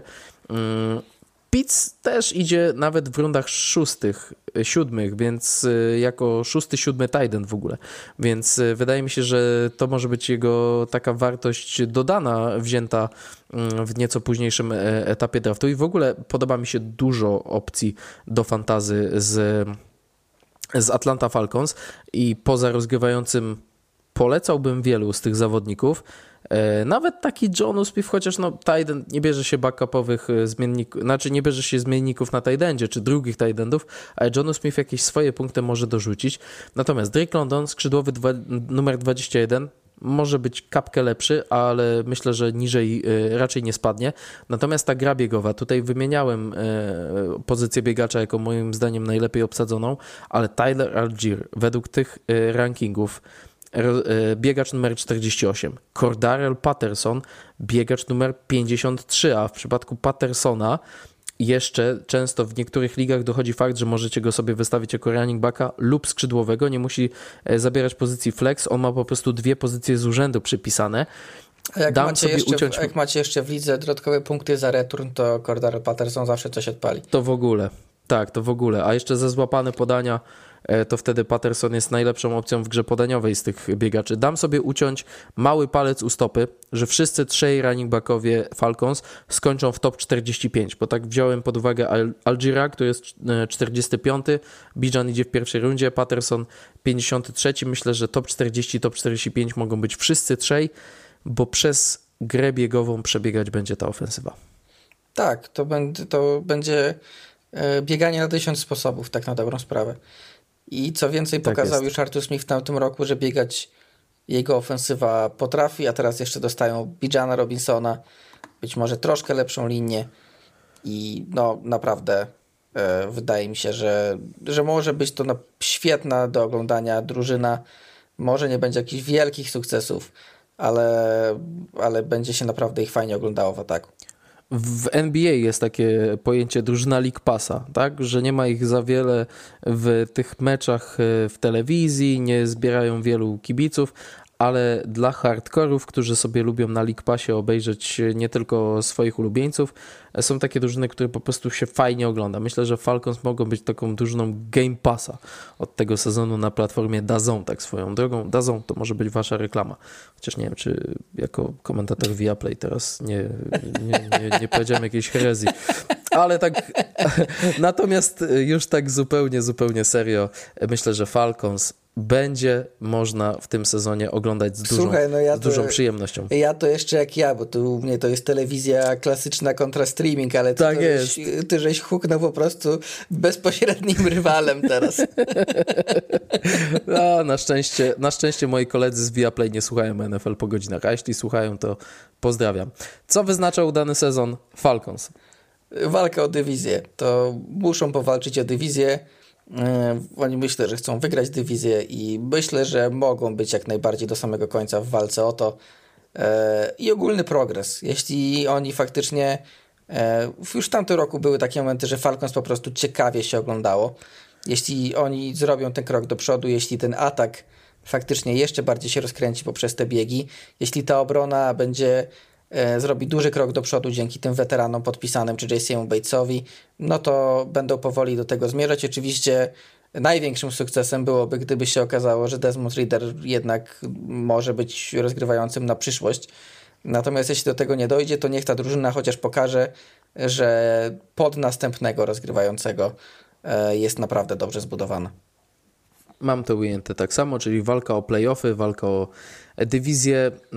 Tutaj znowu trochę swoje robi ten terminarz, bo mówiłem o tym w kontekście Saints, e, NFC South, e, cała gra z AFC South i NFC North, czyli raczej z tymi słabszymi dywizjami, ale też mówiłem w kontekście terminarza Saints o tych dostawkach, czyli o tych trzech drużynach spoza takiej stałej rotacji. Falcons, przepraszam, jeśli chodzi o dostawkę, mają Jets, Commanders i Cardinals. Z Jets możemy wkalkulować porażkę, ale Commanders i Cardinals trzeba pokonać, jeżeli jesteś drużyną o potencjale Atlanta Falcons, więc przy tych dostawkach łapiesz moim zdaniem dwa zwycięstwa, AFC South i NFC North. Przy dobrych wiatrach łapiesz tutaj kilka zwycięstw, jeżeli jeszcze twoja gra biegowa w ogóle zamęcza tych rywali, więc moim zdaniem Falcons y, w zeszłym roku bilans 7-10, oczekiwałbym, że z jedno czy dwa zwycięstwa sobie dołożą do zeszłorocznego osiągnięcia. No przy tym, że spodziewamy się, że się poprawią, a jednocześnie mają słabszy terminarz, to naprawdę może się okazać, że e, no, że cała dywizja poprawi swoje bilanse, patrząc na to, z kim oni grają. Oczywiście dużo zależy będzie od tego, jak będą grali między sobą, ale no, mimo wszystko naprawdę e, NFC South ma chyba w tym roku najłatwiejsze terminarze, choć tu też oczywiście w skład tych terminarzy, w termin, terminarzy wchodzi to, że grają między sobą, czyli między innymi słabymi, słabymi drużynami z, z ubiegłego sezonu. Tak, tak, chociaż y, też, bo są różne szkoły patrzenia na siłę terminarza. E, my jesteśmy wyznawcami tej, która opiera się na przewidywaniach na przyszły sezon, czyli na tych liniach, a nie na e, bilansach z zeszłego sezonu i nawet według tych modeli właśnie przewidujących e, terminarze w NFC South należą do najłatwiejszych w tym sezonie NFL. Kuba, kolejność dywizji. Słucham twojego typu. Kto wygrywa, kto jest drugi, kto jest trzeci, kto ostatni? Faworytem są Saints, ale ja pójdę może inaczej. Może wyjątkowo zaryzykuję e, i powiem Panthers Saints Falcons Bucks. Zbyt zgodni jesteśmy w tym podcaście, bo ja taką samą kolejność sobie rozpisałem. Panthers moim zdaniem wygrywają. Naprawdę mam duże oczekiwania co do tej drużyny. Wszystko się rozbije o to, jak szybko będzie się rozwijał e, Bryce Young, ale wierzę, że to będzie bezbolesny przeskok do NFL z uwagi na ten sztab. Saints na drugim miejscu coś cały czas nie pozwala mi w nich wierzyć w pełni. Falcons na trzecim, mm, ale widzę ich wyżej ewentualnie wyżej. I Buccaneers na czwartym, bo ktoś czwarty być musiał w tym towarzystwie, ale też jeżeli Baker Mayfield będzie tak w trzech czwartych wersją Bakera Mayfielda z tego sezonu, w którym wygrywał mecz w playoffach w barwach Browns, to Buccaneers też mogą być wyżej, ale no, przy czymś musiałem się zdecydować, więc e, też tak jak ty. Panthers pierwsi, Saints drudzy, Falcons trzeci, Bucks na czwartym miejscu. Tak jest. No i w zasadzie ale tak jak, tak jak mówiliśmy, tutaj można sobie każdą kolejność ustawić i w zasadzie można byłoby nam to sprzedać i, po, i byśmy powiedzieli, no tak, że no jest taka, jest jak najbardziej taka możliwość. Tak, ale u jednego i drugiego z nas Buccaneers przechodzą drogę from first to worst, bo lubimy te historie odwrotne od ostatniego do pierwszego, ale w naszych przewidywaniach Buccaneers z pierwszego miejsca spadają na dno dywizji. Tyle jeśli chodzi o e, zapowiedź NFC South i ten odcinek. Jesteśmy na półmetku naszych zapowiedzi dywizja po dywizji. Następna na rozkładzie AFC East to już za tydzień, a za dwa tygodnie NFC East. Jeżeli przegapiliście odcinek z niedzieli, w którym nadrabialiśmy newsowe zaległości w NFL, to zachęcamy. Podobnie jak zachęcamy do wspierania NFL po godzinach na platformie Buy Coffee, czyli buycoffee.to ukośnik NFLPG. Tam nas można znaleźć. Link do tego profilu zawsze e, publikujemy w e, naszych postach facebookowych i też jest w opisie tego podcastu na Spotify i we wszystkich platformach streamingowych. Tam można nas wesprzeć. E, no i cóż, następna na rozkładzie AFC East, dywizja w w której występują New England Patriots, e, którym kibicuje Kuba, ale zanim sobie pogadamy o AFC East, e, redaktor Kazula wybywa na zasłużony urlop, także mm, nie opuścimy nagrań. To nie jest tak, że teraz znowu nagrywamy coś do lodówki, po prostu w nadchodzącym tygodniu, e, czy w tym tygodniu, w którym słuchacie tego podcastu, Kuba sobie odpoczywa. Jak odpocznie, to będziemy się rozprawiać nad Bills, Jets, nad Patriots i nad Dolphins i zobaczymy, jak e, będą nasze przewidywania wyglądać e, w AFC East. Nad NFC South e, pochyliliśmy się na bardzo długo. Ten podcast już ma prawie 100 minut, ale tutaj mimo tego, że to jest taka dywizja może bez wyraźnego faworyta, może bez drużyny, którą byśmy powiedzieli, że stać na 12-11 zwycięstw, to po prostu takie dywizje, w których walka jest wyrównana są ciekawsze. Tak, no yy, wiadomo, że yy, no, że każdy chce oglądać jak najlepsze drużyny, ale wtedy taka dywizja, takim najlepszym przykładem są chyba jest chyba właśnie AFC East z czasów dominacji Patriots i Tama Brady'ego. No fajnie, że jest świetna drużyna, no ale z góry wiesz, kto tę dywizję, kto tę dywizję wygra, więc to trochę tak jak teraz Kto Chiefs. to mówi i kto to mówi, proszę bardzo. Czemu? Kibic, pat... no, kibic Patriots. Yy, no słuchaj, no mi jako kibica. Cieszyć, mi jako, powinien jako, cieszyć się, że tak wygląda. No mi jako kibica Patriots bardzo cieszył taki, yy, taki stan rzeczy, no ale z, z, ktoś patrzył z boku, to ta dywizja była przez to nudna, no. W trakcie Na regularnego ja. sezonu. tak. tak, no nie ukry... tak, tak, tak jak to, trochę, no okej, okay, no AF, AFC West może nie jest nudna, no ale raczej z góry wiesz, kto ją wygra, no. Więc ale, ale spoiler, a do AFC West jeszcze mamy kawałek, a ty już z takim, z takim spoilerem. Nie, e, tutaj, tutaj masz e, pełną, pełną rację. Tyle jeśli chodzi o ten odcinek. Dlatego no już tak, koń, dlatego kończąc, no już dlatego lepsza jest dywizja słaba, ale pełna chaosu, z którego nie wiadomo co się E, co, się, co wyniknie niż dywizja zdominowana przez jedną drużynę. No, ja też, ja też kibicuję drużynie, w której, e, która występuje w dywizji, gdzie też przez większość z ostatnich 15 lat mniej więcej było wiadomo, że Packers e, powinni ją wygrać, więc no, to nie jest, e, to nie jest najfajniejsze położenie. Ty byłeś w tej sytuacji, że twoja drużyna była faworytem. Ja byłem w tej sytuacji, gdzie moja drużyna tego faworyta miała naprzeciwko siebie i było wiadomo, że będzie ciężko Aarona Rodgersa i Green Bay Packers strącić. A ale kończymy NFC South y, i jesteśmy na półmetku naszych zapowiedzi. Zachęcamy do nadrabiania wcześniejszych odcinków, do tego, żebyście polecali e, zapowiedzi dywizja po dywizji waszym znajomym, którzy chcieliby się wkręcić w NFL. W komentarzach możecie się z nami pokłócić i w komentarzach możecie życzyć e, Kubie udanego urlopu. Ja Ci takiego, Kuba, życzę. Słyszymy się po wypoczynku Twoim przy dywizji AFC East tyle na dzisiaj. To był podcast, w którym głupawka nam trochę doskwierała, ale mam, mam nadzieję, że bawiliście się dobrze. A jeżeli bawiliście ze względu się dobrze, na, Ze względu na porę i cały tydzień pracy, który w moim przypadku. Tak, tak. Zdradzając y, kulisy nagrywania, przed tym jak y, Kuba wybywa na urlop, trochę w środku nocy nagrywamy, nagrywamy ten podcast. Ale mam nadzieję, że nie odbiło się to na jego jakości. Jeżeli się nie odbiło, dajcie 5 gwiazdek, zostawcie lajka i tak dalej, i tak dalej. No i cóż, do usłyszenia. Cześć.